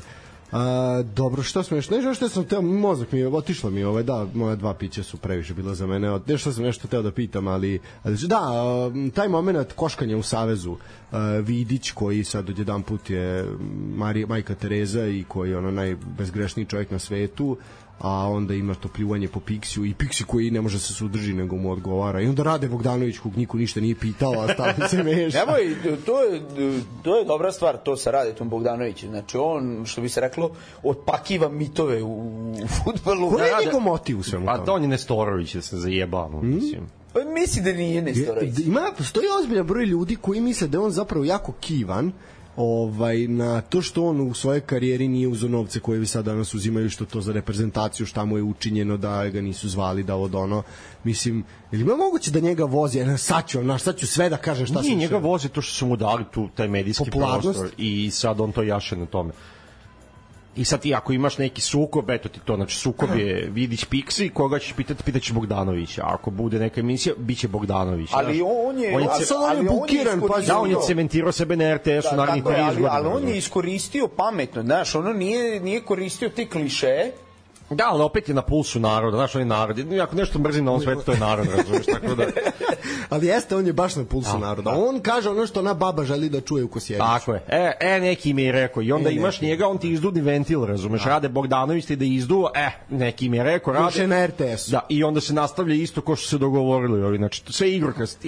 Ja više ne verujem u stvari u ovoj zemlji da je, da je išta više regularno i normalno. Sve što može doći do mainstreama je namešteno, sve je predstava. Tako da verujem da i Rade Bogdanović predstava, kao što i Pixi predstava, kao što je Izbiljić, kao što je Zvezdan Terzić, sa, sad ćemo mi, evo ga, deša, sve je predstava. Češljanje zvezde sada, šta?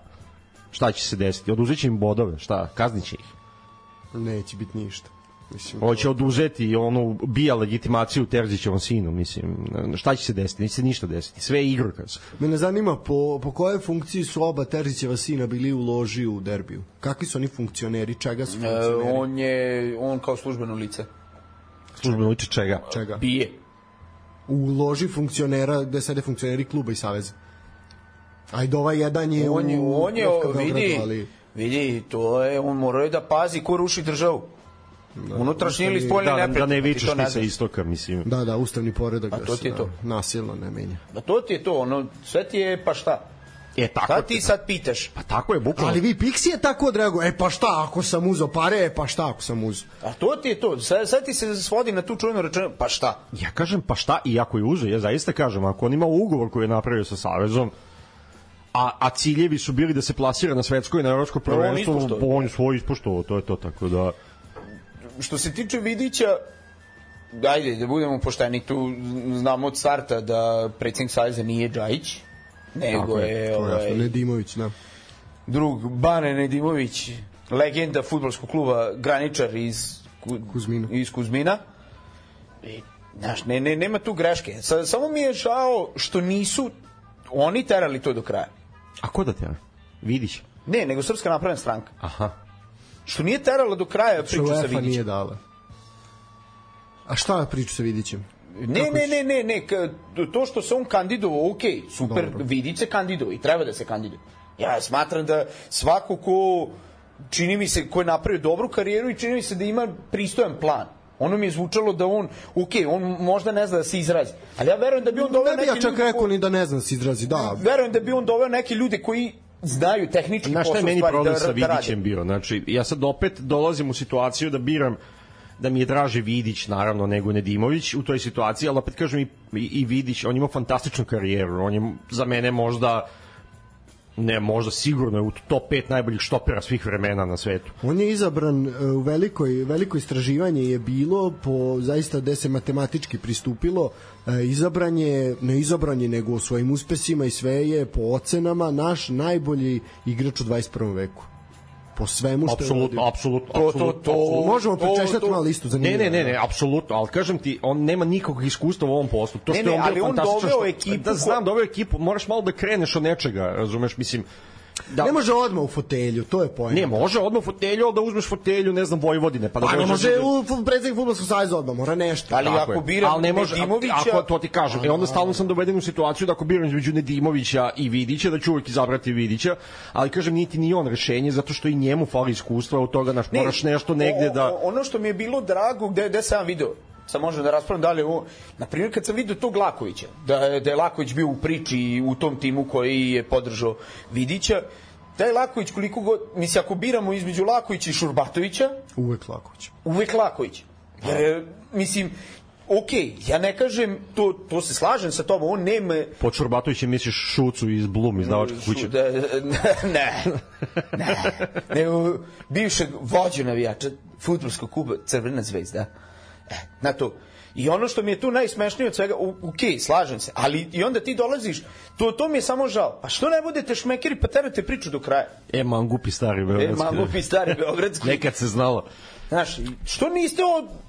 Mislim, ovaj sad ima operaciju kuka, pa ne može, pa ovaj Ja bi prvi... samo, da, ja bi samo morao da kažem da smo A ne, imali- i onda dođe Batađora koji izjavi uh, da koji izjavi šta Džajić nema priča, on je završio tamo neke strane škole, što nije našu školu završio. U izvini tvoju iz Misliš da školu Vidić? Duleta Savića, Vidića, da. Tvoju iz školu Duleta Savića, ono možeš misliti vašu školu. Ili da ili izjavi Džajić je sad ugradio novi kuk, sad misli 300 na sat. Ne znam kako to u korelaciji jedno sa drugim. Da, ali- to je njemu vratno u glavi zvučalo mnogo bolje. Ne? Izgovorio faza. Da. Ne, ali u, Znaš, u, upravo to. I Da to se javlja tebi neki Batađora koji ima 85 godina u svo dužno Pritom poštovanje. je grobar. Pritom je grobar, je? usro je toliko sjajnih generacija. On i Dule Savić, ajme ljudi smaknite se, znači, samo Upravo. nemojte, znači. I Vujadin.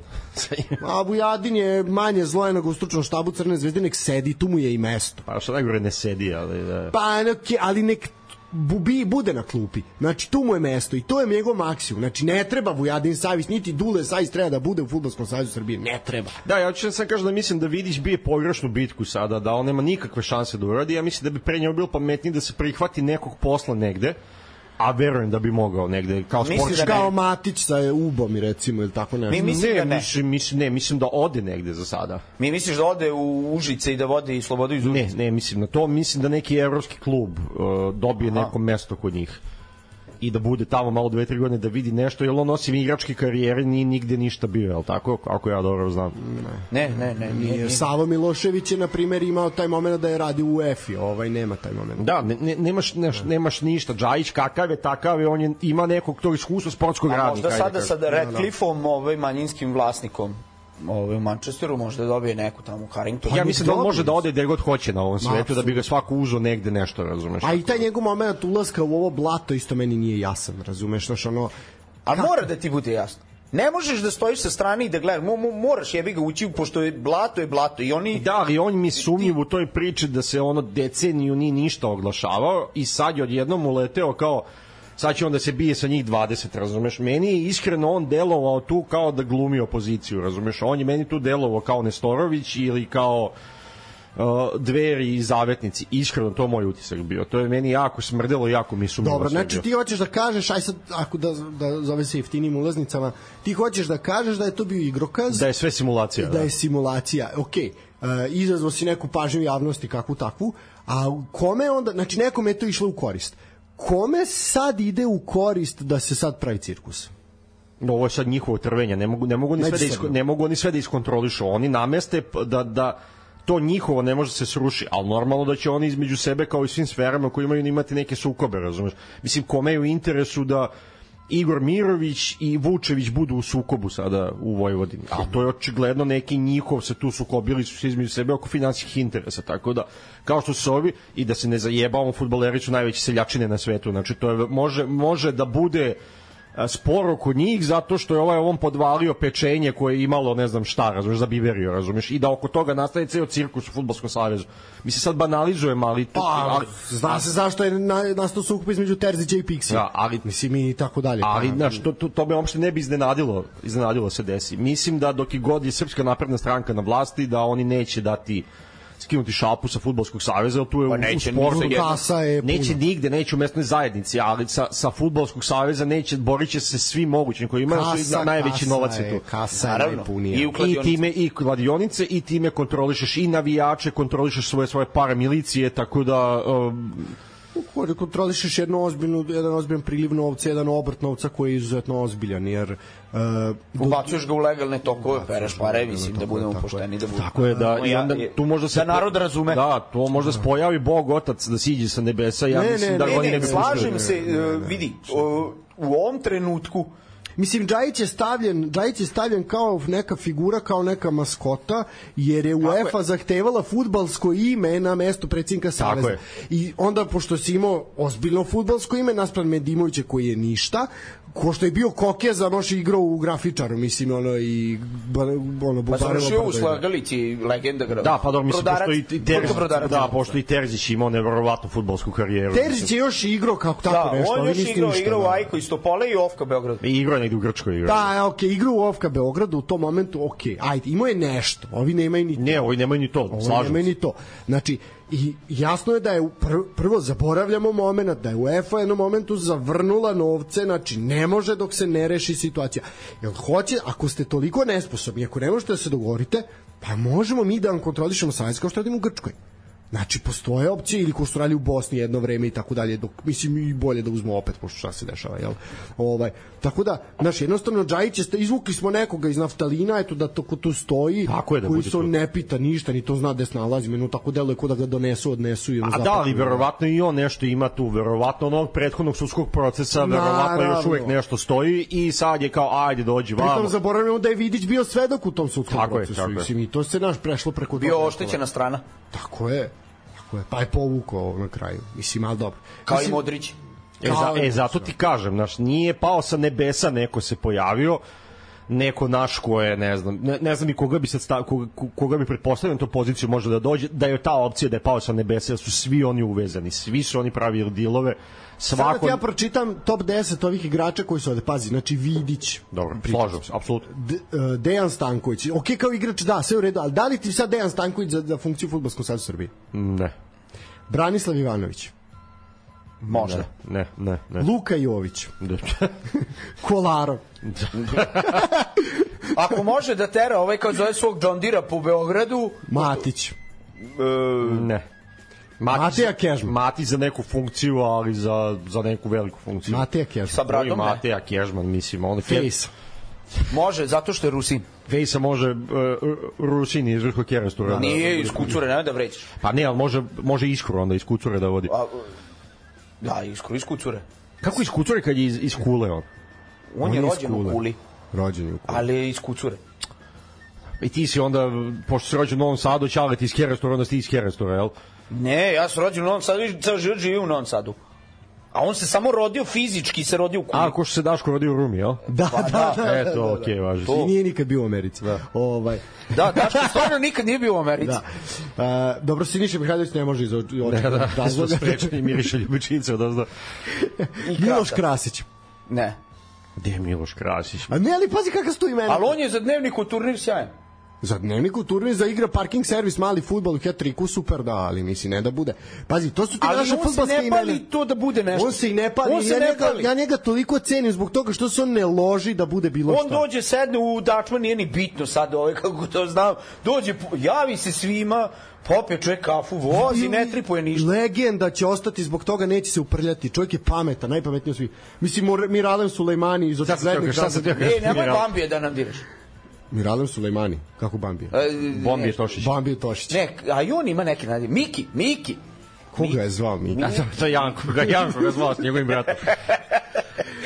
Eventualno, evo, 12. na listi Neven Subotić. A ne može, Ne, on ne, je u pa Africi. Neven, on je u prvo- Africi humanitarni rad. pravi ovaj, kako se zove... Neven Subotić prvo pri, prihvatio je Isusa kao svog spasitelja, a druga stvar, On priča srpski kao prestolonaslednik. Tako Pa je da- kao Ana Brnebić. I, po. I davno se povukao još iz futbola, tako da... Predrag Đorđević, ne Ne. može menadžerske vode. I ćelave previše. Matija Nastasić ne može. Ko je taj? Neće, Ko je taj? ne, Miroslav Đukić iz jebenog štitara. E, a Strahinj ima problem zato što on laže da je Išapca, ovaj, kako se zove, on ne voli ljude koji lažu da su Išapca. Znači Miroslav Đukić ništa. On je 15. mislim lice. Ivica Dragutinović. Može, zato što se tu... Ivica Dragutinović Još i može. je meni na turniru fan klubova na Adi Ciganli 2014. godine kupio sendvič bio.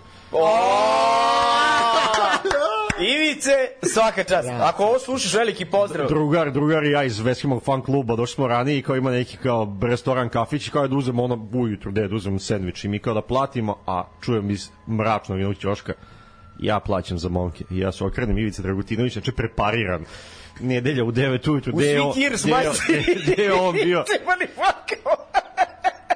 I ja kažem, hvala Ivice. Tad je igrao još je Okupljanje. vidio, još je bio tamo. Sa okupljanjem reprezentacije 2005. godine. Da, Dobro. Uh, Duljej. Ne, zbog ovih izjava je ovo ne. E, e, kad završimo, hoću nešto da kažem za Igora Dulje. Dobro. Pazi, Gudelj ti je 18. Ne, ali- najbolji plasirani futbaler u 21. veku. Gudelj, Cecin Zet. Zato što ima dve Lige Evrope, jedan kup Portugala i jedan Liga kup Pa Portugala. dobro, to koji Fejsa što ima 28 trofeja, verovatno sa... Nije, a to on tebi smeta zato što je Rusin. Tako je. Mladen Krstajić. Ne, aj ne, nemoj da reći. Evo, 20. s njim ću stati, 20. Danko Lazović. Da. Definitivno, Nije, ali mi da. tu sad pričamo o hipotetičkim situacijama Zem- da je, da je normalna situacija u zemlji i da neko od njih konkuriše pa da bude fair borba i izbor i to. Pa da je normalna situacija, ne meni ne bi nikad bio futbaler predsjednik futbolskog sajza. A to sad To to, je sledeće, to je sledeće sam ključno, teo to da je sledeće sam teo kažem. Tebi tu treba neki menadžer, ne treba ti mislim. Advokat, na primjer, Čoferin. Pa da, pa da. Pazi, e, jedna samo stvar za, pre, pa ću pričamo o ovoj listi, a jako je fascinantno. Pazi, Duško Tošić je, ne, pazi, ne, Du- Dušan Tadić, izvinjam se. Dušan Tadić je 24. najbolji naš futbaler u ovom. A pa, a šta je kriterijum? Trofeji? Kriterijum su trofeji gde se da, koeficijent prvenstva rangirao, jel naravno nije isto kao svi tursko prvenstvo i englesko i tako Uzeo dalje. dve titule sa Ajaxom. Tri prvenstva Holandije, dva kupa Holandije, jedan super kup, znači ima koliko šest trofeja. I polufinale Lige A pazi, Goran Gavrančić je dva mesta iznad njega koji ima više U, bodova. ukrajinsko prvenstvo. Tako je, Da. četiri prvenstva Ukrajine, četiri kupa i dva super kupa. Goran Gavrančić, druže moje, 2006. imao svoj sajt gorangavrančić.com, bio nekim rupičastim majicama kod golova se slikao. bi. To je bio moj omiljeni sajt, da se smijem, tamo gledam njegov slik. S onim kapicama, ono što je to bilo popularno. Da, Goran Gavrančić. O, ono što se teo da kaže za Da, Igor, aj, Igor Dulje, pa Dulje, pauzu. ovaj, Aj pa idemo na pauzu. Aj, to. On, vezano za rezultate partije. Igor Dulje je pokazao da koliko god je pocenjen, mislim da su ga svi pocenili Apsolutno. e, kao trenera. Mislim da Igor Dulje je trenutno najbolje trenersko ime u, u, u Srbiji, u srpskom futbolu. Na zašto mislim da da? Zato što je sa ograničenim kapacitetima Oštro se ne slažem. Ja mislim da ovaj kako se zove sa ograničenim kapacitetima koje ima u Partizanu jer je od starta pa od starta je- je bušen kao kao čovjek. Dobro, i dovedeti Saldanju za milion i nešto, dovedeti ovoga za milion. Vangu 4,5 Ne, miliona. ne, dobro sad u skladu su, pazi, ali pričamo, nema para, nema platimo struju, dovedeš dva povećanja od milion i nešto. Pa vidi, Partizan neće platiti struju nikad kao ni Zvezdan, kao ni Vojvodina. Da budemo pošteni. Ove, a naročito Zvezda i Partizan. Neće platiti struju nikad, pa ni tad. O, ali ono što jeste problem, i ono, ono je pošteno rekao. I to mi se sviđa kod njega što on izađe i kaže ja radim posao. Ok, ja volim taj partizan vi ste mene doveli zato što znate da, da bezgranično volim taj klub. I zašto moj tata ima pekaru, a treba se Da, da ima u Trsteniku i biće bureka, bureka što mi se... Regbua, regbua. Regbua je.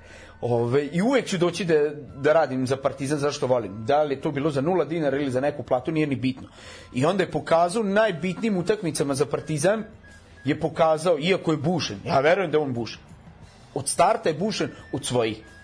Ali uspeo sa tim momcima u slačionici da izgradi neki ne, ono neki odnos sa njima, autoritet kod njih i prodao im je priču, u kom smislu je prodao priču. Momci, vi ste najbolji ovaj kako se zove igrači trenutno. Na psihološkom momentu, da, tu je bilo rada, to je, to je Mislim, jasno. to je velika to je to je velika razlika između dobrog trenera i malo boljeg dobrog trenera. A ja mislim da on u ovom A trenutku zaboravljaš da Partizan ima i duhovnika.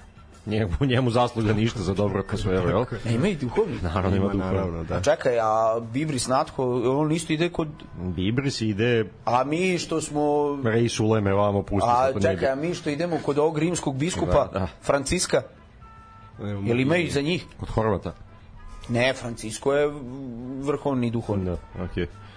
Ne slažem se ni ja. da Ne Dulja- slažem se, ja isto ne bih rekao. Ja po meni, mm, Dulje ima splet okolnosti Da.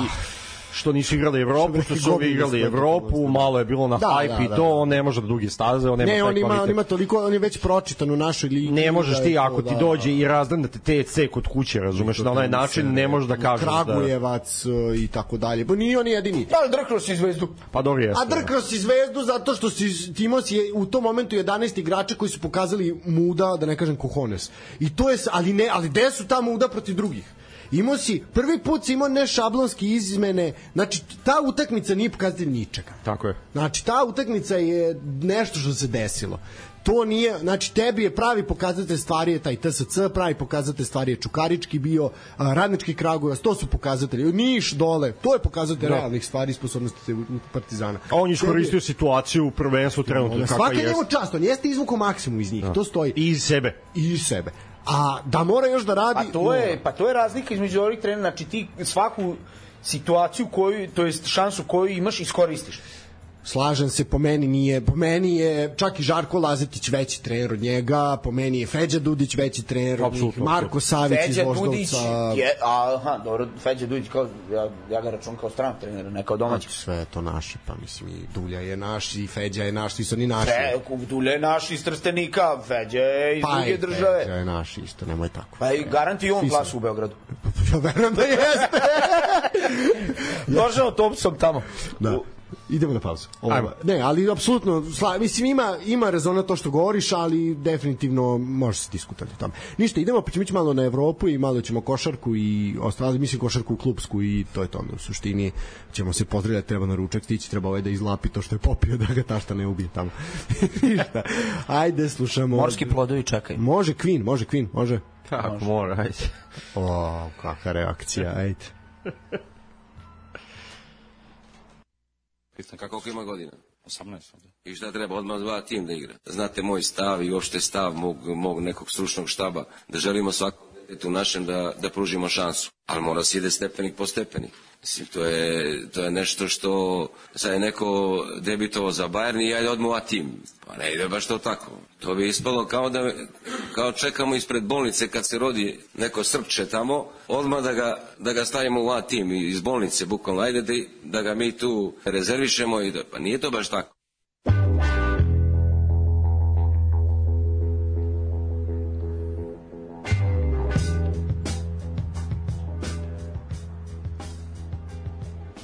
Pa nije to baš tako da ti ja kažem. Druže moje. Druže moj, nije to baš tako. Uh, za poslednji segment ove naše praznične, predpraznične emisije uh, imamo taj moment, malo ćemo se osvrnuti na Evropu, ovaj, pa i svet recimo, ali Evropu najviše. Uh, imali smo taj moment da Nikola nas je lepo podsjetio da imamo City je uz ligu šampiona, eto to je nešto što je onako konačno posle sa, sa hrpom para koje su ovaj koje su uložili, ali iskreno boje meni to i ni nek, mislim ono, nije neki utisak zato što znaš ono kao ulupali su milijarde, milijarde, milijarde i ono kao i da nisu uzeli zaista bi bili najjadniji na svetu ono mislim ako smo zrno malo manje jadni.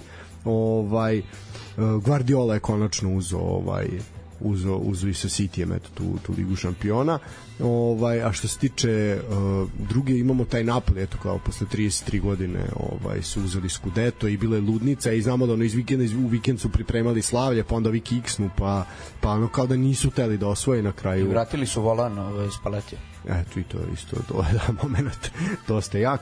A, imali smo nešto što se desilo i to bih voleo da prokomentarišemo, ovaj naravno sve ovo i to. A, nešto što se desilo mislim juče, ako ne grešim ili prekjuče, to je taj moment Superkupa Turske u u Rijadu koji se igrao, pa Koji im- se nije odigrao. Koji se nije odigrao, tako je, ali treba bio je planiran, pa da im nisu dali da izađu sa Ataturkom, pa im nisu dali himnu, himnu, da, i onda su se ovi pokupili i rekli mi bez Ataturka nećemo, ovaj, iako su trenutno mnogo daleko od učenja Da. Ataturka, ovaj, ali ipak se ceni što, što se kaže poštuje na neki način.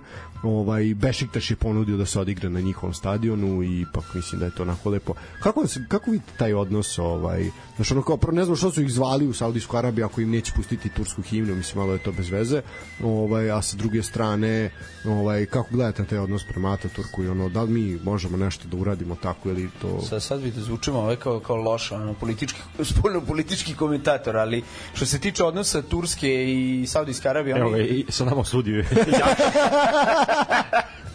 e, Turska i Saudijska Arabija zaista imaju vrlo, vrlo komplikovane inače odnose da. kroz svoju istoriju i ono što imaju odnose bukvalno na dnevnoj bazi, ali, 100 godina. da, pazi, ali tu se stvarno menjaju uh, njihovi odnosi na dnevnoj bazi od najboljih prijatelja ever i to braća smo, ljubimo se ovaj, tamo ide, treba ide, ne treba, do toga da jedni drugim objavljuju rat ono posle podne. Ali bukvalno tako.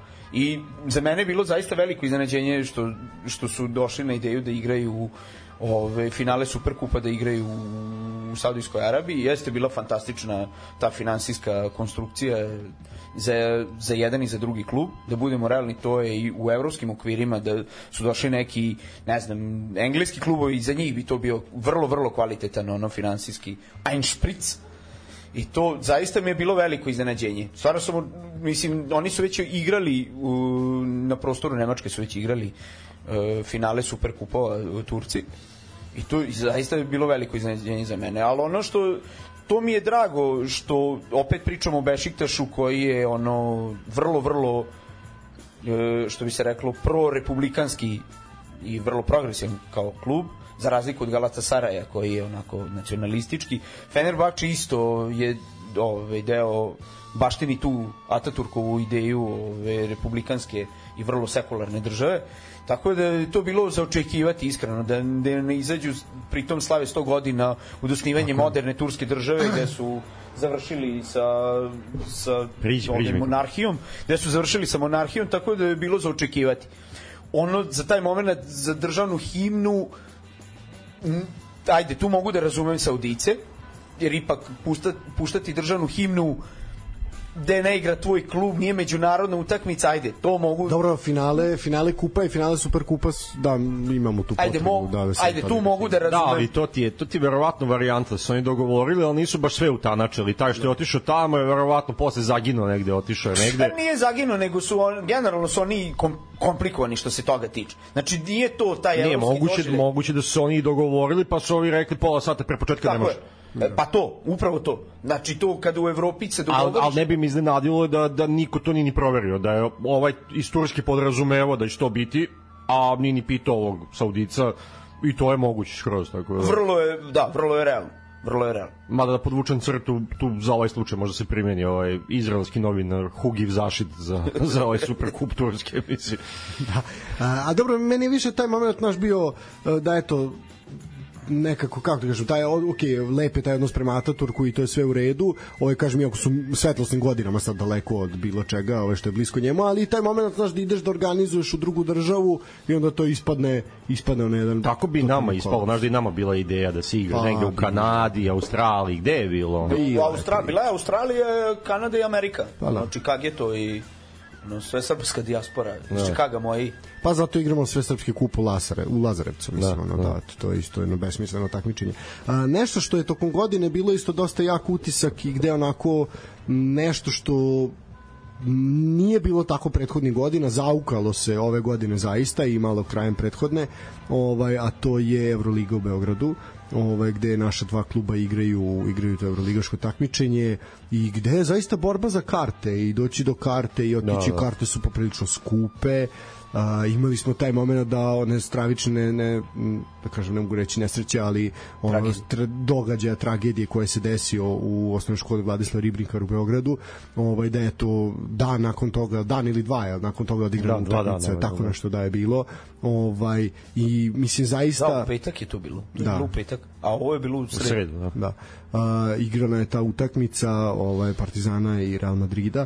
A, zaista nešto, košarka se vratila u grad i košarka je sad nešto gde ljudi idu da budu viđeni, idu da jednostavno ne, neki pokazatelj nekog onog klase staleža nekog, nekog ono, imovinskog stanja, jer zaista priuštiti dve, tri karte za, za evroligašku utakmicu prvo nije jednostavno, drugo nije ni jeftino.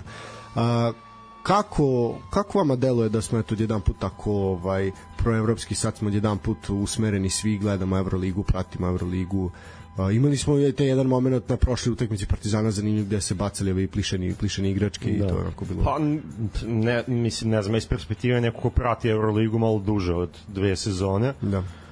Ove, ne, meni se ne sviđa ovo iskreno kako izgleda. Prvo format Euroligi mi se ne sviđa. To možemo se složiti apsolutno.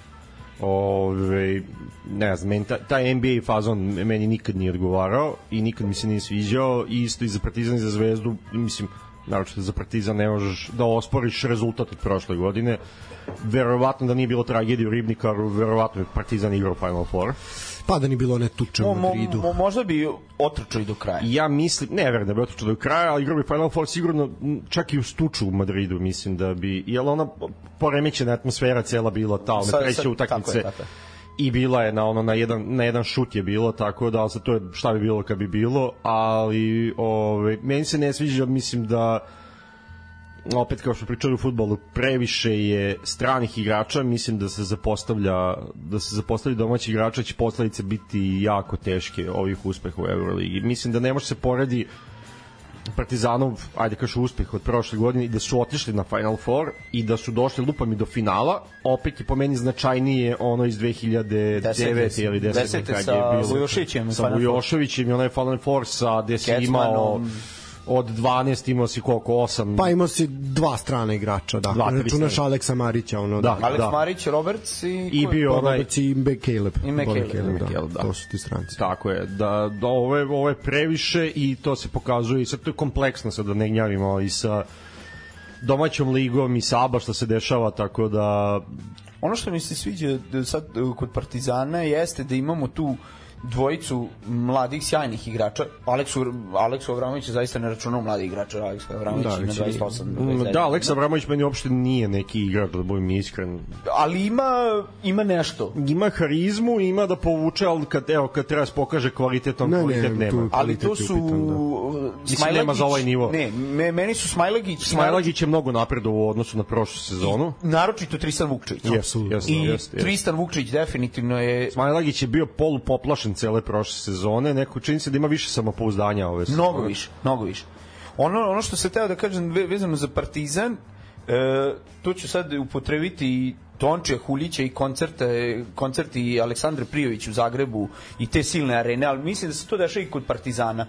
Da, da je Partizan napravio taj hajp oko toga i, i sada, znači, ok, jedan koncert su dolazili ljudi koji su fanovi, drugi koncert takođe 95% ljudi koji su fanovi. Četvrti, peti koncert, tako i sa Partizanom u Euroligi. Sada već dolaze ljudi da bi to videli šta je to. Da. da, Partizan generalno ima dobru košarkašku publiku ne, ne, koja poznaje, koja poznaje košarku. Je, tako je. Ali čini mi se da je sada ima jedan značajan broj ljudi koji mm, dolaze mm, zato što je, je to društveno zanimljiv događaj. Dobro, i mislim sad to možemo raspravljati oko toga da li je to Čini dobro ili loše. Uh, pa, pa ima i jedni. Ja neće ni to trajati do veka taj trend. Me, meni se čini da u ovom trenutku... Ako je... pogledamo Partizan, napravio je nešto, znači napravio je, vratili su se Euroligu, ok, to je zbog okolnosti, zbog Rusije, zbog svega, ali napravili su atmosferu u toj areni, popunjeno, popunjeno i na ABA ligi, nije puno, ali gleda. Evo, on, on, on, napravio si jako dobru paralelu sa 2010. kad je Partizan igrao Final Four sa, sa Duletom Vojošićem i samo uporedi uh, atmosferu tada, na primjer, naročito one utakmice sa Makabijem. E, ali pazi, te utakmice sa Makabijom u areni 2010. godine, ako se sećaš, vratno ne mislimo na istu stvar. Tu je bio problem jer su igrali u hali Pionir. Tako je. Tada. I tad su prešli za četvrt finale, za te dve utakmice tako u Beogradu su prešli u arenu. Je. Ali je atmosfera bila spektakularnija jeste, nego sada jeste, što je... ali tad ti je bio pogledaj snimke. Tu se gube sa navijanjem, tu ispadaju iz ritma, tu ne zna se ko... Zato što ti, ti si tad imao... Zato što ti ne znaš, sa 7000 odeš na 20 Ne, plus. ti, ti si tad imao kor od 7-8 hiljada ljudi u Pioniru i Tako meni je bolja atmosfera bila tad u Pioniru nego u areni. U areni ti su tad počeli da dolaze, kupovali se karte, daj da vidimo spektakl.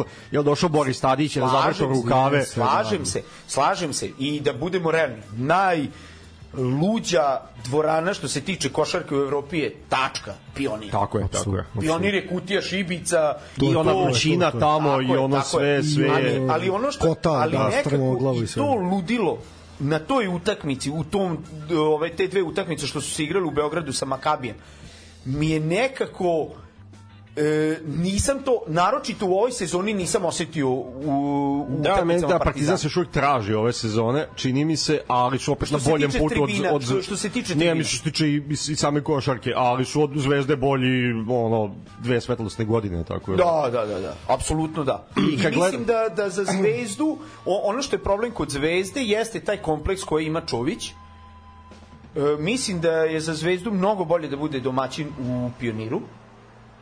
E, mi, mislim da bi tih sad... Ali problem je ono što je Strahinja rekao, naravno, problem je. Crvena zvezda, Mislim, kako da ti- budu manji Na, na, naravno, i sad e, tebi dolazi Čović Imao je koji prošle kaže, "Mr- sezone, sad ne može. Da, sad. tako je. I onda dođeš, imaš problem da kažeš da je bilo 18-19 hiljada u areni, a mi svi koji imamo oči kažemo, druže, tu nema više od 13. Mislim, govorimo o cr... Naravno. Drago mi je. Da. I to je sjajna stvar da imaš 13.000 ljudi na svakoj 13-15 hiljada. To je spektakularno. E sad, znaš šta, šta je meni tu problem? Da li je ovo dobro za, za srpsku košarku, za razvoj košarke?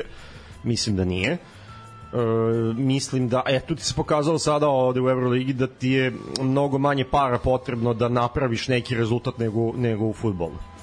Svakako. Mislim, pazi, iskreno, da, je- da je Dule Vujoša iz 2010. imao ove budžete koji, koji, koji, koji Ma, Pa imao da. bi reprezentaciju. da, imao on bi reprezentaciju. osvojio bi Euroligu, Tako tako verovatno, je. tako da... E, meni se ne sviđa taj moment, ok, društveno je sad to zanimljivo, prihvatljivo i tako To dalje. je izlazak. To je izlazak. To je izlazak. To, to nije, A- znaš, ono, to, to ti je to. Kao matori, znaš, ok, A, dobro, super, znaš, i- navijaš za partizan nije sporno. Apsolutno Ne, ne, nije sporno. da. Ali to ljudi doživljavaju kao izlazak. Da, ali praviti se ta NBA atmosfera Pa- i, i ovde, tako da Zato kakva, što kakva je imaš liga. mnogo više ljudi koji dolaze zbog tog jednog. Ja, ja sam video uh, na društvenim mrežama, eto, juče je bila utakmica, jel? Ovaj, Prekjuče, prekjuče, prekjuče, prekjuče. Ovaj, malo su mi se dani poremetili ovi sad. Ovaj, prekjuče je bila utakmica. Ja sam, skup ljudi koji su otišli na tu utakmicu uh, je bila, to su ljudi koji su zadnji put bili na stadionu pre 7 17 godina, da, 10 recimo, ili su u zadnjih 10 godina bili dva puta, a na košarci u zadnjih 10 godina dva puta, isto tako, naš, i sad idu, i to je taj moment, zato ti se gubi ta atmosfera, zato što se taj kor, što kaže, što je jezgro, nije to, ovaj, nego se, jedno, mislim, svi imaju pravo i svi treba da odu na utakmicu, ja ne, ne voliš, sporim, naravno, ako volim, treba da naravno. odeš. ali je taj moment, naš, gde su ti, a mene nervira to busanje u grudi. Sad smo mi veliki navijači Zvezde, Partizana, nebitno koliko. Vojvodine, reci Vojvodine, slobodno. Ne, dobro, ne mogu, nisam teo kaže Vojvodina što Vojvodina ne igra ovaj, sad neko evropsko takmičenje u košarci, zbog toga nisam hteo, nego sam se zato zustavio. Znaš, uh, ok, ako ste tako veliki navijači tog kluba, na gde ste na futbolskoj utakmici? Gde ste na rukometnoj utakmici, gde ste na odbojkaškoj utakmici. Odbojkaška utakmica Vojvodine i Partizana pre neki dan na Spensu je bila spektakl. Pritom ljudi su stajali na, na prolazima jer je uh, malo, mala hala, ok, malo prostora, ovaj, ali je zaista bila fantastična utakmica. Dobra ono, utakmica, dobra vrhunska utakmica kao utakmica sama. Da, i Pritom nešto... I atmosfera je bila dobra u Ne, ne, be, bez, bez ikakve zamerke. Znači, ali uh, zašto je sad to društveno prihvatljivo, ovo je društveno neprihvatljivo ili ovo nas smara, ovo šeš, baš i nije nešto, a ovde... Dobro, pazi, napraviti se taj hajp oko basketa, to je sad jedna i po sezona, vidjet ćemo, ajde još za godinu dana šta će biti. Vidi, ja sam, ja sam bio u Pioniru kad se igrala FIBA... Ne, pričam, li- pričamo o ovome. Da, da, ne, jasno. Pričamo o Euroligi E, sada. FIBA Liga šampiona gde je Pionir bio poluprazan, razumeš, koje kakvi Budjevel, no nije Budjevelnik je bio u Euroligi, sam mu se A to je bilo Da. sa 28.956 na jača crvena. ovaj uh, znaš ono kao kad se igrala ta neka to neko takmičenje koji niko nije izrazio kad se opstajalo u ABA ligi jedva i ono mislim su bili pretposlednji i tako dalje znaš ono kad se igralo nedeljom u 12 i tako dalje Uh, ali znaš ono kao ne, ne, nemojte ne, zašto imamo potrebu da smo mi sad najveći mislim video sam sam kecka na Instagramu a nemoj mislim ono znaš kao samo nemoj A dobro, naš događaj ljudima da odu da vide spektakl. Pa. Jeste događaj. Mislim, ti kad vidiš ono, pazi, i, i meni iskaču neki ljudi, znaš, ono, ali to tačno vidiš. Zbog čega je on otišao? On je otišao da opali ono par fotki, Instagram, Znaš, Facebook. kad smo kod toga, sam malo digresiju da napravim, a opet je vezan sa svim što pričamo, meni je to pola bila jako utisak ovo protiv West. Na primjer, meni je bilo tamo jako zanimljivo kad vidiš ljude koji su tamo, znači imaš ljudi iz Topole, ima, imaš nas ovdje Njih 800, Pa nije bilo ih je, ali 920. imaš, imaš nas koji smo došli iz Novog Sada, bili su neki, na primjer, s mog Veskem forum ovoga fan kluba od ono pre 15 godina sreo sam ljude tamo znači došlo je par njih iz, iz Kraljeva je došlo njih dvojica iz Beograda iz, iz znaš jedan došao iz Rume mi iz Novog Sada Više, utisak je da je više ljudi bilo sa strane nego iz Topole. to jeste, ali, Dramatično nešto. ali moj glavni utisak je tamo bio, znači koliko smo provalili do kraja utakmice, ti si stanko bio u loži, pa, pa nisi baš mogao da vidiš kako treba.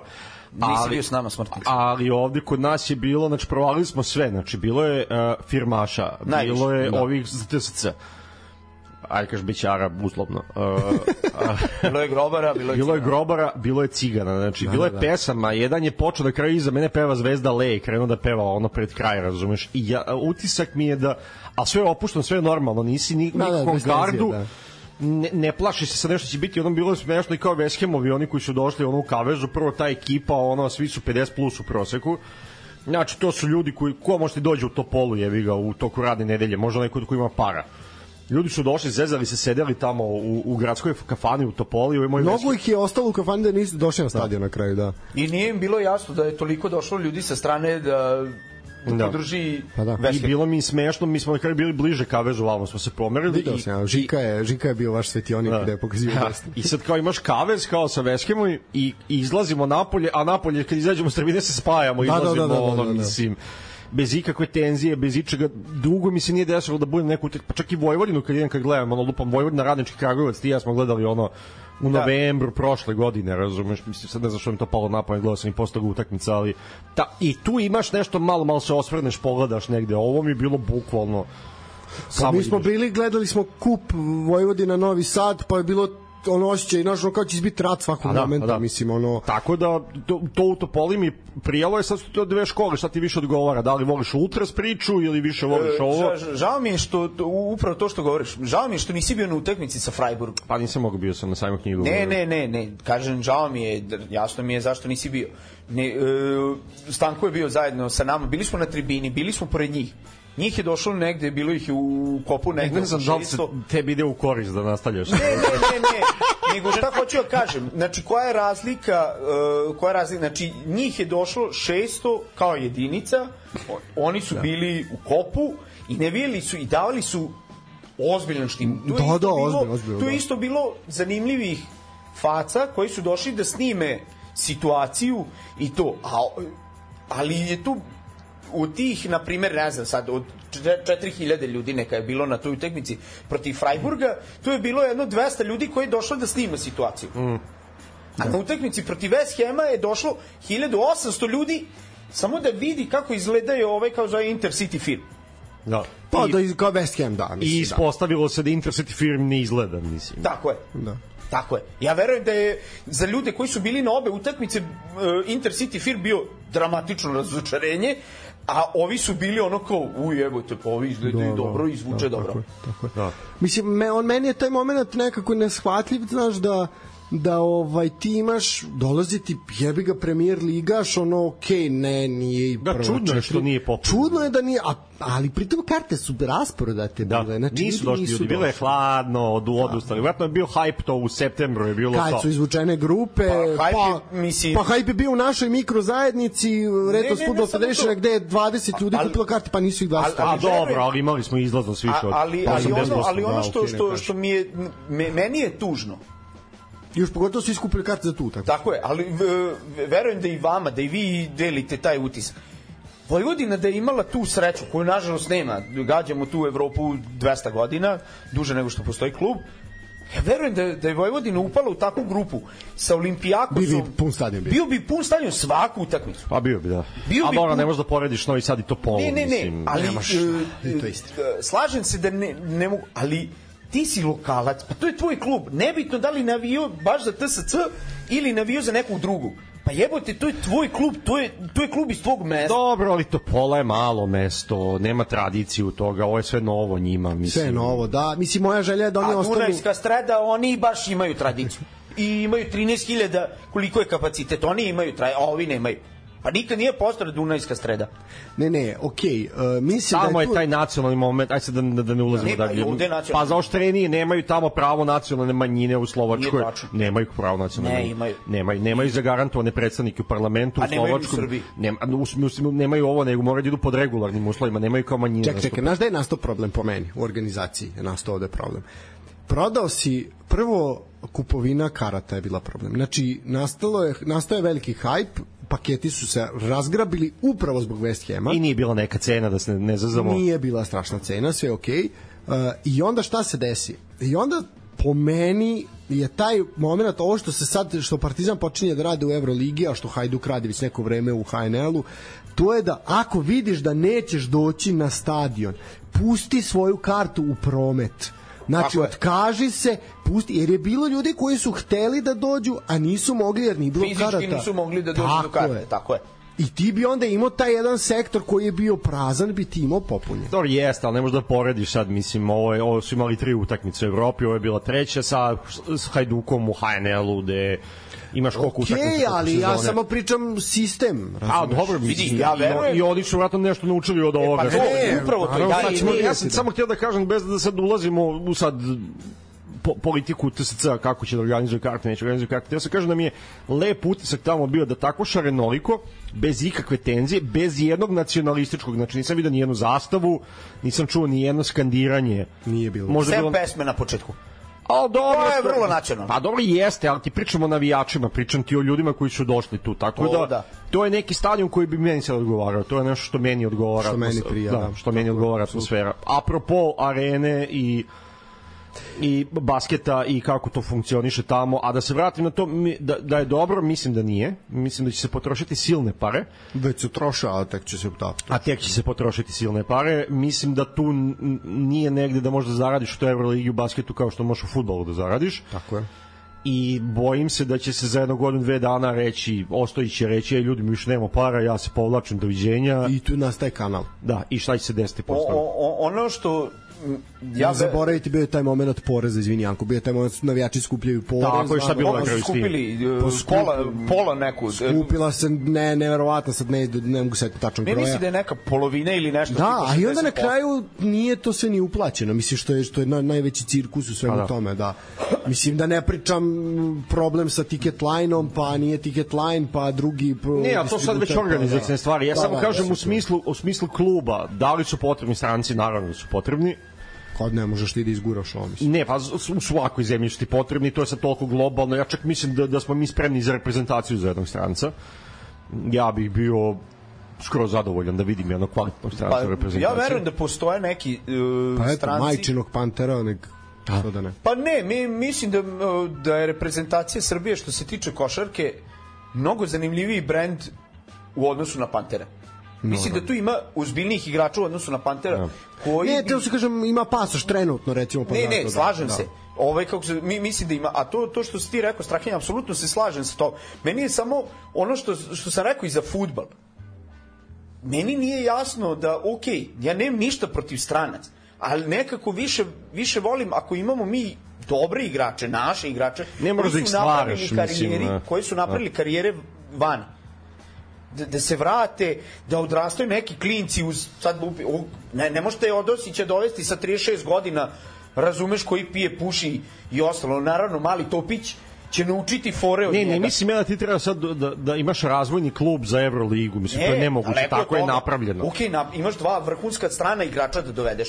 Da, ali možeš da imaš, ako dovedeš nekog stranca, da dovedeš nekog kog ćeš razvijati, da će dovedeš nekog Bertansa ili da dovedeš... Uh, A dobro, to je sad veliko pitanje da li želiš instant u instant kvalitet ili ćeš ipak malo... Ne, ali ovo jeste, ovo je telo za Instat i prošle godine je napravljen taj veliki uspeh koji sad nešto nisam, nisam siguran da će se ponoviti ove godine.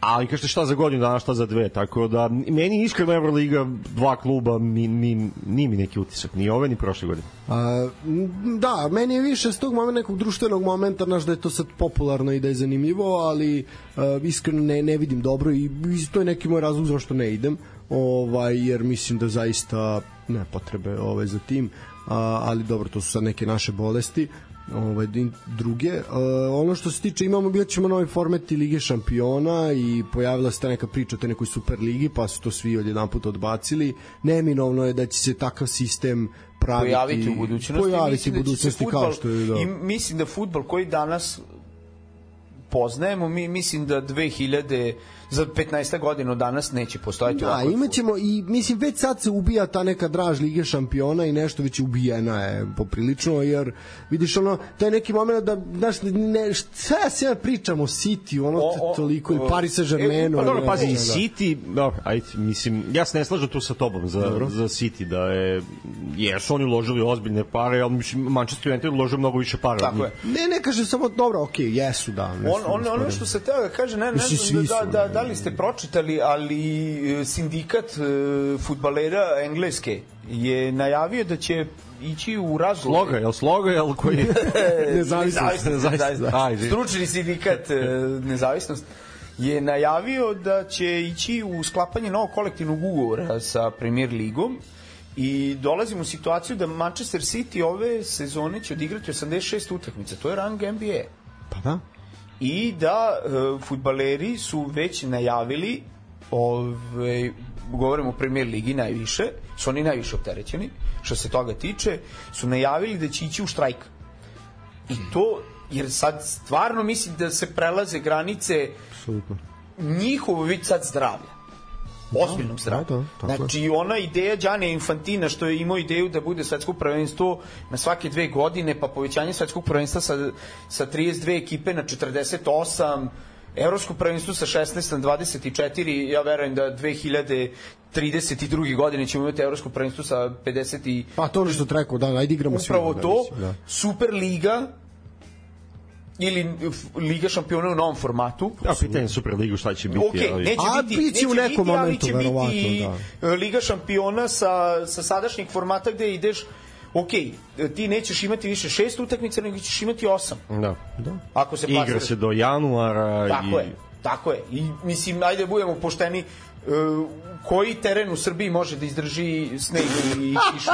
To je Dobro, tema gde ne nema da te, te novog formata, prvo čudno je, ajde, ja sam uvijek otvoren za te stvari, ajde da vidimo, da pogledamo. Ne, znaš. ne, ne. Bilo je ono kad je to ono ranije kup UEFA, pa kad se prelazilo na format Lige Evrope, a nije to ta, nije ovo draž, uvek imaš ljude koji će ti reći nije ova Liga šampiona prava, prava je ranije bila, kad su samo šampioni država učestvovali. Ne, o, Liga Ne, šampiona stvari u ovom formatu mi je sjajna. nema st- stvari Ja ne bi dirao isto, da. ali to je Liga šampiona od kad smo mi klinci, razumeš? Mom Ćaletu nije, mom Ćaletu Da, je da. kupa evropskih šampiona prava. Slažem se, Slažem se. šta hoćeš kažeš. Da. E, sad te stvari ti se menjaju. Ja mislim da je ova, ova Liga šampiona, kako je sada u ovom formatu, delo mi bolja od ovog drugog formata, što imaš i revanš utakmice i grupe, ovo igraš kako ti zapadne, ali ajde vidimo. I mislim, tražili su se i Liga Evrope, ako se sećate ono kako je bilo Tako kad su je. prešli format, pa isto bilo pet u, u Pa, grupi. komentarisala se Liga konferencije, pa se Pa ispostavio dve kupom pogodak. kući, Da. pa se na strani, ispostavilo da pa se ispostavilo kao kao dobar potez znaš mislim ja mislim u svakom slučaju da je poštenije ti gledaš ljude ranije kad pričaju o o o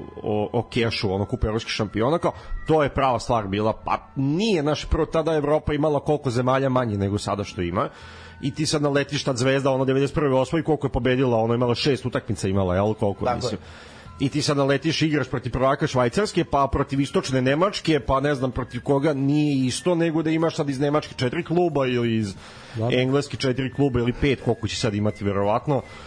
Tako da, ajde sad čekamo da vidimo, ono, tako da, meni jeste jedan utisak City ove, ove sezone u, u, u Ligi šampiona, ove godine, ajde da kažem, a ono, prethodne sezone, i u prvenstvu... I opet onako- su najozbiljniji Meni- konkurent za Da, osvajanje da, prvenstva. ozbiljno, ozbiljno, ozbiljno. Ozbiljniji od bilo koga. Veske moj me oduševio bio sa Da, ti sa si rekao biće biće da, rekao si biće potop protiv Arsenala. Da, ja sam očekivao iskreno. Pa vidi po šansama i po svemu moglo je biti. I Manchester koji je posle 0-2 okrenuo na 3-2. Dobro, Manchester je pukao 20 na 2-0 kod kuće. Da, znam da je pukao. Ali, A me, me, meni je trenutno što se ono dalje u Evropi, sad ne znam da ti to na dnevnom redu i to, rekao da ne gnjavim i to, ali tipa Leverkusen me oduševljava Da, da, Sa. Leverkusen o, ove sezone. Hteo sam njega da spomenem. Večeti drugi, da li će jednom biti prvi. Ove- Mislim da je opet teško, ali E, po, pored, pored Ali Bayern- jako je lepo za gledanje. Jako, Da, jako, po, jako pored. Leverkusena meni je utisak što se tiče futbola Jude Bellingham. Da, ja sam ga doveo sad na futbol menadžeru. sam Ove, da- bravo, to ti je pametno. Da. E, čini mi se da je to, ne znam, možda je prerano, ali čini mi se da je to novi Zidane. Nekako, on je...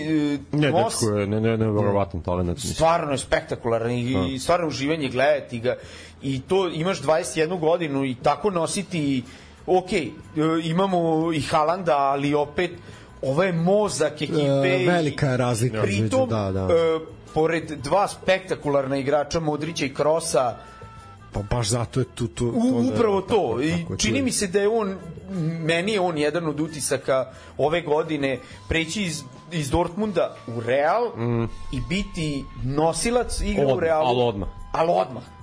Tako da, slažem se. Mislim, Ove- vidjet ćemo šta će Girona uraditi, ona se pita najviše. ali Ej, Girona je sjajna ove godine. Da. Stvarno ih je lepo gledati. Dosta su lesterasti. Da, da. Pa, ali znaš kako potrebne su takve stvari da bi Jesu, se jesu, da. narod malo Jesu, zainteresovao. tako je, tako je. da, i to je... E, Zato to ti je, mislim da je greška, izvini, ovo što te prekidam, zato mislim da nažalost Superliga nema to je možda za evropsko tržište ona nije zanimljiva zato što mi svi sanjamo Nama nije, da. Leicester, Ali neko Gironu, Indiji, neko Leverkusen Indiji, Kini, neko tako je, ali svi mi ovde u. Evropi sanjamo Gironu, Leverkusen, Leicester, pa zato što malo da se, da, da se ubaci raznolikost. Ali, ali, Talente, ne znam. ali Pa mislim- zato je nama lično draža Liga Evrope, Liga konferencija, nego što mi je draža Liga šampiona gde ona već sve na pamet ne, isto. na, na primer da. Belgija. ne, meni iskreno te... Be, te Belgija sa, izvini, sa, sa Antwerpenom, gde Da, da, Toby da. Alderweireld u 95. minutu donosi titulu, gde Union Saint-Gillois klub koji do juče nije postojao, 60 godina je igrao, no, ne znam, 16. ligu u Belgiji i samo zahvaljujući nekom ludačkoj nekoj priči dve godine gubi titulu u poslednjem kolu. I svi ono imaju ogromnu, ogromno srce prema njima. I tu u Evropi ljudi vole. Ljudi u Aziji i apsolutno to ne doživljavaju. Oni doživljavaju Ronaldo, Siu i Messi i to je to. Oni njima nije doživljaj. A da menjati se stvari i pitanje je veliko, naš, mi, mi nismo dosta realni sa nekim stvarima kad stalno pričamo o novcu, ne, taj novac je ušao taj futbol i to je kraj priče i njega će biti sve više i više Tako je. i igrači će imati sve veće i veće plate, ali ti možeš da imaš nešto, eto, premier liga, mislim, ja generalno evropska takmičenja, znači i kvalifikacije za evropsko prvenstvo ili svetsko i Liga šampiona, Liga Evrope, Liga konferencije, ja to jako slabo pratim, iskreno, mo- moram biti potpuno iskren, mene to nešto pretredno i ne interesuje. Ja volim ono engleski fudbal, ali na primjer kad gledam Premier ligu, ti kad pogledaš, ne znam, uh, Luton ti je sa Manchester Cityjem pre tri kola, ono City se jedva provukao, Luton koji je ono Ali tebi je drago što... realno, pa ne, ali realno je najloši klub Tako u je. ligi, najmanji Ali- budžet ima i igra sa prvakom i realno najboljim klubom u ligi i egal je, e, to ti je prednost Premier lige, ne znam, a West Ham koji je sad dobio United Manchester United 2-0 kod kuće, pa je dobio Arsenal u gostima 2-0 i sad igra s Brightonom 2. januara da verujem da će izgubiti kod kuće od Brightona. E, to ti ta lepota Ali mi svi volimo, uh, mislim, pored klubova za koje navijamo, mi svi volimo Luton kada se poholje A, dobro, sa... naravno. Tako je. Naravno da voliš. Ali o, ono što, na, eto, po znake navoda, imao sam sreću da radim sa ljudima iz, iz drugih delova naše planete i tu.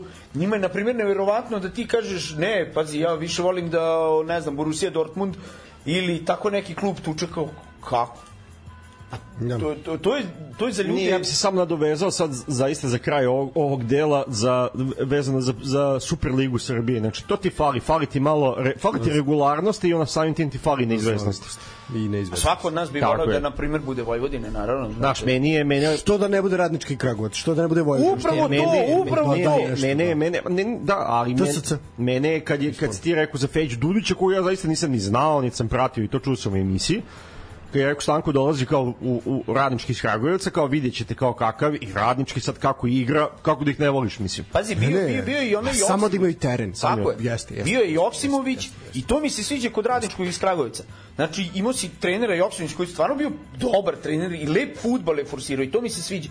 I sad dovedeš Feđu Dudića koji je drugi put među Srbima, što bi se reklo, bio je u pazaru, pa se desio onaj ona sramota. Dobro, nije, nije on ni došao nikad On, zvanično u pazar. mislim, da, bio je koliko, bio četiri i po minuta, što bi Pa, se reklo. ajde. nije ni ušao, na- kad To, je to, vidio to. tablo, To, krenuo to, se, to. da. Ili O- Pazar kad vidi šta je doveo, koga je doveo, kako igra. Pritom, Feđe Dudić koji pokazuje koliko je šmeker od čoveka. Znači, dolazi u, u grad koji e, za naše uslove i ove neke regionalne ti kad kažeš i u Hrvatskoj, kad kažeš radnički iz Kragujevca, ljudi imaju m, pogotovo malo stariji od nas, se sete, "A, pa kao da, jeste, tamo je uvijek bila dosta zeznuta atmosfera, pun stadion, onako vrlo vruć teren. Čikadača, e. Čikadača.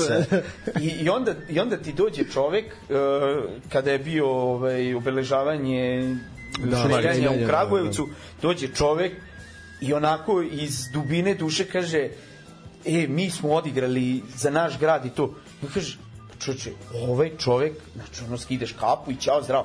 Nijedan naš trener se toga nije se... Tu govori o njegovom vaspitanju Tako je. i govori o njegovom poštovanju tog kluba i tog grada u koji on je Jeste, ali kažem ti, meni se čini da je prvenstvo Bosni, Bosni i Hercegovine regularnije nego, nego naše Pa zato što igra borac iz Banja Luke.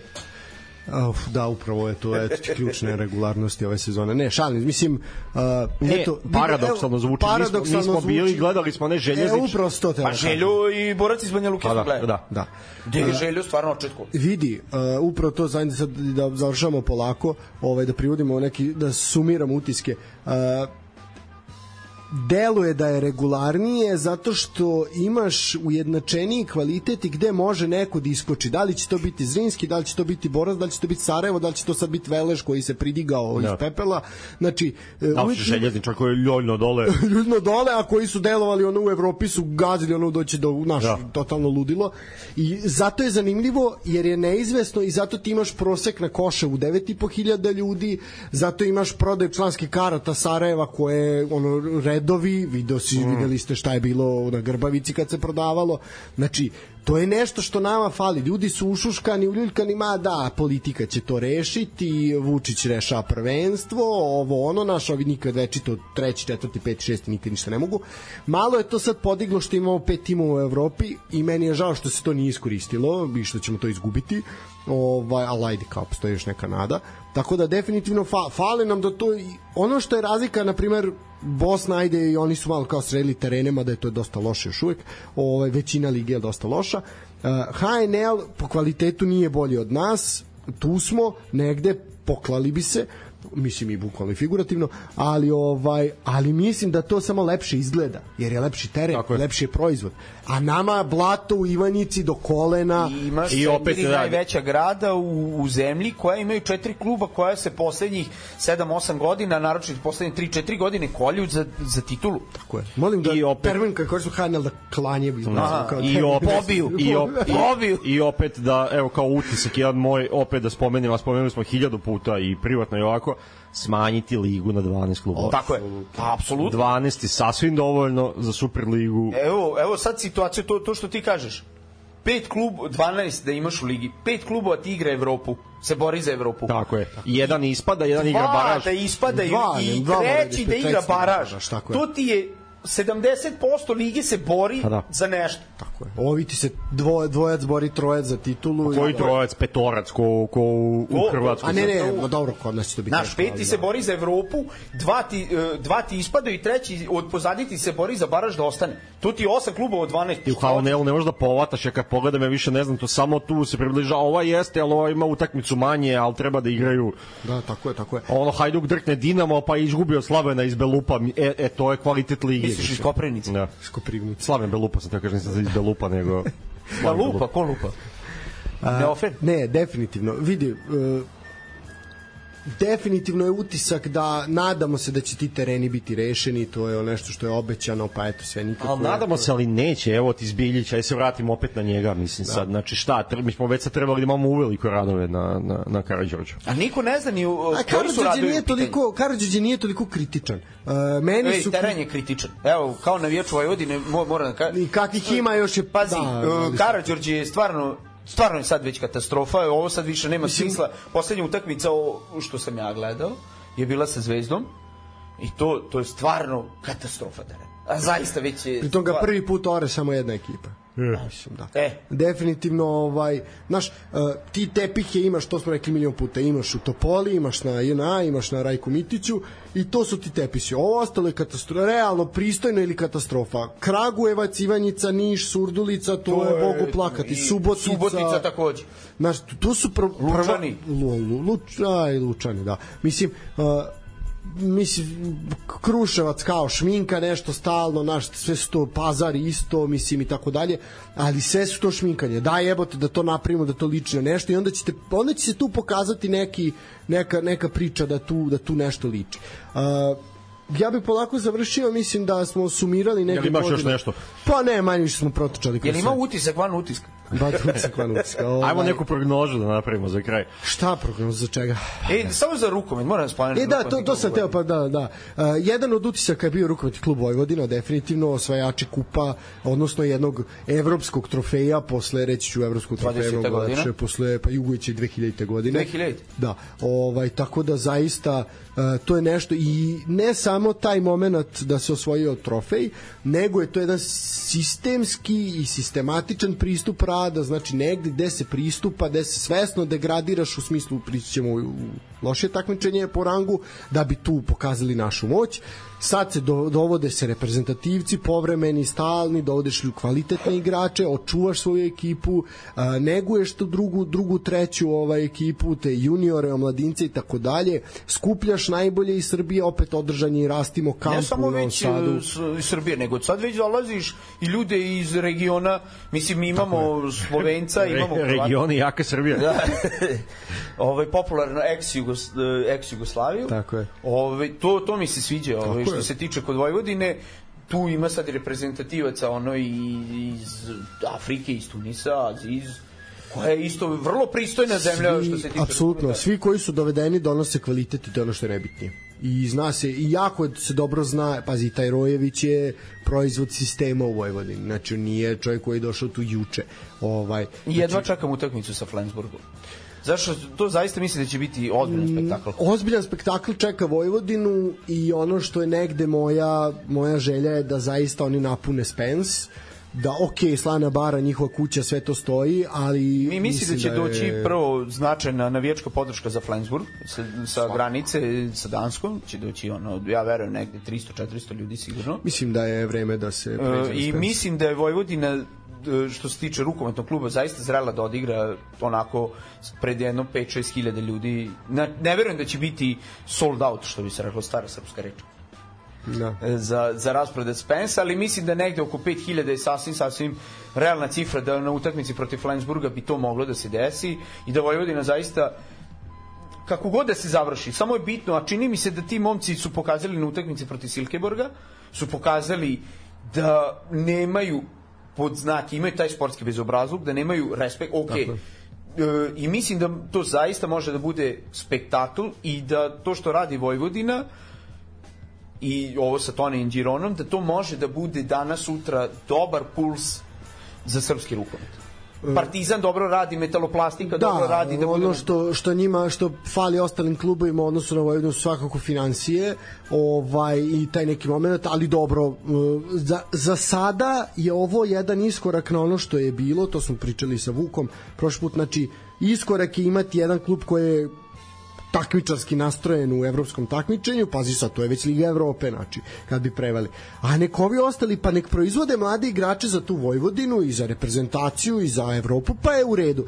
Pa danas sutra kad se stvore financije, kad ne bude sve išlo u košarku, ovaj, nek ode nešto i ovde, pa ćemo imati neizvesnije prvenstvo. Za sad nema potrebe da prvenstvo bude neizvesno, dajte da se nešto, da se etabliramo u Evropi, da napravimo nešto, da malo to podignemo, uh, jer rukomet je dinamičan, zanimljiv sport, sport koji je privlačan masama, koji nama ovde na Balkanu znači, koji se igra u Evropi, znaš, i za, za razliku, ima veću bazu publike, na primjer, nekog vaterpola, recimo, i pa i odbojke, ovaj, ajde, tu bi se poklali, ali, znaš, kao, uh, ajde da meni je zanimljivije od odbojke, ja sad ne kažem ko šta hoće. Ovaj m, ajde da tu napravimo nešto to lepo izgleda i mislim da je vreme da zaista, mislim Vojvodina ima pomoć grada, ima pomoć pokrajine, ima pomoć saveza. Dajte da to dignemo na jedan veći nivo, da to bude zaista spektakl jedan u Novom Sadu. Zašto ne bismo mi imali našu arenu kao što je jel Spenek bude naš Spens i što da ne? Nek bude taj moment, e, ja sam bio na toj utakmici kad se igralo s Flensburgom, znaš, da se to nešto što se priča. Videli smo taj moment protiv Apoela ipak koliko god ljudi pljuvali njima je drago lako je pljuvati njima je drago naš, taj, taj grad onda živi za tu utakmicu živela i Topola za tu Evropu Mislim, jeste, da ste, i to je nešto što nam je potrebno. E, da bude kao 66. Janko kad je gledao Vojvodinu protiv Celtica, pa da to- bude ponovo. To, to, to, to, ovaj, kako se zove, bio je jedan naš veliki rusinski zemljak, je ta legenda Vojvodine, Silvestar Takač. Takač. Tako, molim, lepo, tako da... Ja se sećam jako dobro tih utakmica. Ja sam bio na, ovaj, na čuvenim tim Silvesterovim, ovaj, kako se zove, reflektori, nije sad to ni bitno. Janko se penio na reflektor. Ja sam se penio na reflektore, tako Kao sam sasvim bio- mala beba, da. Tako je, sasvim, sasvim mala biba i tako. Da, e, ono što ja bih hteo da pole, da poželim ovaj pa da bežimo odavde, ovaj da idemo treba taštin ručak. Ne, ne, popijemo još jedno piće. da, znači sad sad ga uhvatilo, sad ide. A, možemo još jedno piće? Nego šta. O, Ali vam program. a vam program. Van program. A treće poluvreme? U opuštenoj atmosferi. Prvo, e, da, dosta ljudi je reagovalo na naš put u Sarajevo i tu su ovako dosta onako stiglo bili su- I da smo i mi reagovali. Dosta burno smo reagovali. Da, ovaj, ono što ja želim na ovom našem malom kolektivu, a svakako... Da, da, da, da odemo još negde. Da odemo još negde, mislim da je realan plan Pa u za- Zaječar. Na gitarijadu. da, dakle, ja bi na mislim da je realan plan za 2024. Hoću, hoću, hoću. E, vodu mi sipa strahinja upravo čisto. Tako je, voda, voda, voda, voda, čista iz Novosadskog Za voda, put. osveštana. Ovaj, mislim da je realno da se ode u taj Osijek, e, mislim da je realno Apsolutno, da kod se... Bojića naših. Tako je, ja U mislim Sarvaš. Da, mislim da Baranju. se realno da se ode, zašto ne i do Zagreba, ovaj, a onda, onda ćemo videti nešto južnije, da ćemo se spuštati na proslavu titule ili ne, to ćemo, to ćemo o tom potom. to ćemo, ako zajebemo Ivana da vozi Ja ponovo, misliš na, na Banja Luku? mislio sam na Split, To je ali možemo južnije od da to je južnije od Osijeka. Pa, malo je užio da će. Tako da ovaj zaista eto uh, bilo je zaista zadovoljstvo ovu godinu provesti zajedno sa vama, ovaj i bilo je dosta dosta zaista divnih divnih uspomena i nečeg čemu ja vidite grohotom se smejemo i dalje i nešto što će se prepričavati ostaće mit jer to nam na kraju uvek i ostane Ostaće uspomen. ostaće uspomena. i dobra ocena na bookingu uvek. Da. Ovaj, e, vama svima hvala na slušanosti. Pustit ću naravno vas dvojicu da pozdravite rodbinu, taštu, prijatelje i sve ostalo, ovaj, veterinare i tako dalje. Ovaj, a ja želim da se zahvalim vas kodikom slušilaštvu, želim da se zahvalim svima vama koji donirate neki dinar i nama da mi tu plaćamo šta imamo. Ovaj, Uh, hvala svima, da, da, da, evo sad vade, vade novcu, da daju tih 20 dinara, daj vam sa strane. ovaj, hvala svima eto, koji učestvujete, reagujete, svima vama koji ste slali poruke eto, za vaš utisak ove godine, mislim da sam negde iz spomenuo sve, pa i Varjačića Vuče, sproveo sam, jel, rekao sam. A ostavili smo tri aforizme, ima još za kraj, to ćemo sad pročitati. A to ćemo mi kad si... Ne, ne, ne, evo u programu. U live, U programu ćemo. To u live. E, hvala svima koji pomažete, koji potpomažete, hvala svima i koji ste odustali od ovoga, a pretili ste i tako neke gluposti radili i to isto bolje. Nemojte nas slušati ako vam se ne sviđamo. I ima solidan broj oni koji slušaju ovaj tako da ne nema potrebe. Uh, hvala svim naravno drugarima koji podržavaju, šeruju i tako dalje, svim koji učestvuju, koji nam se javljaju za objave, mišljenja i tako dalje. Hvala drugarima sa Tanjuga koji su nam pomogli da izdvojimo ovaj ove vesti koje se ja sortirao jer bismo ovde ubili se da smo išli vest po vest. Uh, hvala i drugarima sa arene i sa sport kluba i tako dalje koji su uvek tu da nam da nam pomognu. Hvala svima naravno vama koji slušate i hvala i ajde kažemo i Daško i mlađi što nas puštaju do denjaka u miksetu. Ovaj ali ovaj put mi nismo pokvarili, tako da zbog toga se mnogo prijatnije osjećam. A jesmo spremni za aforizam pa ćete onda vi pozdravljati, a može? Ajde. Može. Znači, ako imam tri, tri aforizma. Pucaj. Pucam. Kaže ovako. Uh, krenut ću od najlošijeg. Kaže ovako. U medijima je objavljena tužna vest. Počelo je još jedno futbolsko prvenstvo. Dobro. Taj je bolji od onoga. Da, da, bolji. Od nogometa i Od nogometa, ledenog tako čaja. je. Kaže ovako. Stavio je bokserske rukavice na klin. Karijeru nastavlja goli u šakama. A, boga mi. A, I poslednji kaže, nastup naše reprezentacije na svetskom prvenstvu je tradicionalan. Mi ih dignemo u nebesa, a protivnici spuste na zemlju. O, ovo je dobar. Ovo je dobar. Zaista. Tvoj pogled ka prozoru kao spasuje sve rekao. Znaš šta je moj problem sa aforizmima najveći? Osim to što postavljamo to od bednih. Je se sećate tipa? I mislim da još uvijek To izlazi. izlazi još uvek novosti. Znaš da u tipu bio onaj kao strip, onaj, e, onaj jako loše crtan, ono, kao radnik iz železare Stripformer? 83. Da, je- da, Nešto tipa stripformer, ne, ne, stripormer je kategorija. Bani za ovo. Uh, ja kad čujem aforizme zamišljam taj strip zamišljam iz tipa i onda mi to, unosi nestabilnost.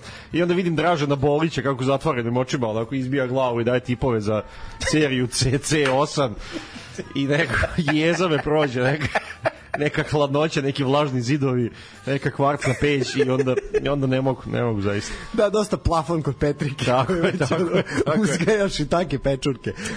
Eto, ja sam teo, ja u stvari neću se pozdravljati od publike, jer ja sam ovde gost, tako da teo sam da vam kažem da plaćajte malo sportskom pozdravu, jer ako ne budete plaćali, Ni, Nikola i Vuk će biti bolesni, onda ćemo morati Janko i ja da dolazimo. da- A to vam baš nije A to prijetno. vam nije, nije, nije, nije u koristi, tako da budite dobri. Janko, Pa ništa, ove, ono, zaista bih ti se zahvalio što si nas ponovo to pozvao. si već rekao na početku. To, to najslušaniji. To, ono, ono što... Ja sam najslušaniji.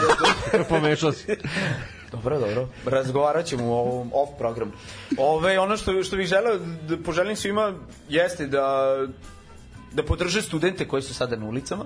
Ono što bi takođe, ovaj, kako se zove, želeo da kažem, budite uporni, ono, budite uporni u, u svojim u svojim razmišljanjima, u, u svojim stavovima i mislim ako budemo nas, da budemo glasniji svaki dan, ako budemo sve glasniji i glasniji, mislim da ćemo tako doneti ono što želimo, a to je da ova zemlja konačno bude pristojna. Ove, i, to, I to se ogleda u svim aspektima našeg života, a ono što zaista volimo to je sport i mislim da je nažalost naš sport zaglibio prilično, a futbal kao nešto što najviše volimo od celog sporta je ozbiljno u močvari i mislim da svaki dan sve više i više treba da budemo glasniji, da kažemo da nam se ovo ne sviđa. Ne, mi ne odustajemo od naših klubova, ne odustajemo od ljubavi prema sportu, nego zaista više nećemo da dozvolimo kretenima da, da nam ono uređuju ne samo naše živote, nego i one stvari koje zaista volimo. I to jedino želim. Želim vam da budete nasmejani, jer osnokom pobeđujemo. Ja, lijepo. Tako. To ti je udaren monitoring na to, na Tito streljao i na Jeri ti je udaren monitoring na dve godine od ovog Aha, dobro. Moratorium, ne monitoring, to je... Monitoring. Moratorij. to što je na petom, petom A, ovo je mene. Ove, još jednom bi stvarno ove, želeo da budete dobri nasmejani i sve najbolje i nadam se da će proći sad malo duže više, malo više vremena da ponovo gostujemo ovaj, kako se zove u emisiji jer ne, nisam baš siguran da ste nešto pretarano uživali u mom glasu. A šta će sirotinje beda? Ma da može monitoring to da će biti pod nadzorom za izgovaranje toga. A mora Može. biti kazna. Ne, ali ne, može, ali Može. mora pod nadzorom da izgovara, na to sam mislio. A dobro, ali mora biti kažnjen. Tito strelju? E, to, e, Eto. Mora biti kažnjen onda za to. Moraš misliti kaznu E, adekvatno. tako da, Janko bi rekao stop nasilju, ovaj, vidjet ćemo šta će biti, verovatno neće biti ništa, ali budite uporni. Biće, biće, Biće, budite uporni. Ne, ja kažem, verovatno neće biti ništa, ali budite uporni, jebi ga, i ja sam isto, ja isto mislim da neće biti ništa, pa opet idem radim sve te stvari. Tako, Tako da. je. Mislim, idem glasam za SNS. Biće, okej, okay, šta znam. Biće. Ne, ovaj, vama dvojici zaista hvala što ste... Nema na ovaj, čemu, poćiš nam platiti. Poći, da, da. Čekaj, Čekaj, idemo na, šta idemo na branč sada? E, ja imam neke obuke. A, kuvane kozice. Tako da. Brancin iz reda. Brancin iz reda. Pusti, pusti nam za kraj uh, sport od Viagra Boysa. Pustit ćemo sad za našu dušu sve, a mi ćemo se odjaviti. Ljudi, vama hvala što ste nas slušali tokom ove godine. Premašili smo neku slušanost koju ja zaista nisam ni očekivao da ćemo ikad doći do nje. Hvala nama, već- Strahinji i meni. Hvala i vama, da svakako i vi koji ste učestvovali i svim gostima tu koji su bili tokom ove godine, zaista ih je bilo ovaj mnogo i bilo je raznoliko. Uh, Do, do godine Lalata da vidimo na ovom mjestu. da, baš to ne znam koliko je pametna ideja, ali... To, mi bi voleli. Ne, ne, A- dogodje, to je želja naša za, za iduću. Da, da, da. Bolje te želja, ajmo na, da idemo na, na utakmice zajedno. Nego Ne, ne, ne, ne, mi Ja bi bi se- voleli da ovaj, kako se zove, stvarno Lalo bude gost. Da. Mi Nek bi bude, u tome. nek bude Lalat, idemo na utakmice, ja ću se u ovom momentu odjaviti, a Janko ima neki poziv iz firme. a ti Stanko se odjavi i Janko ne kaže na rusinskom da bude dvojezično i to je to. Ajte, doviđenja. Doviđenja. Cekujem na uvahi i doviđenja. Eto, to je to. Ljudi, uživajte. Čujemo se tamo negde posle praznika i negde verovatno krajem januara i mi idemo na zasluženu pauzu, a nema neki puno dešavanja, tako da ćemo malo malo odmoriti. E, Nikola i Vuk su najavili jedan specijal o košarci NBA-u, tako da to ćemo bićete obavešteni putem kanalima javnog informisanja. E, to je to. E, ljudi, uživajte, odmarajte, uživajte u praznicima, nemojte preterivati u hrani i piću i vidimo se, čujemo se nešto, nešto kasnije, početkom, početkom nove 2024. godine. Uživajte, prijatno.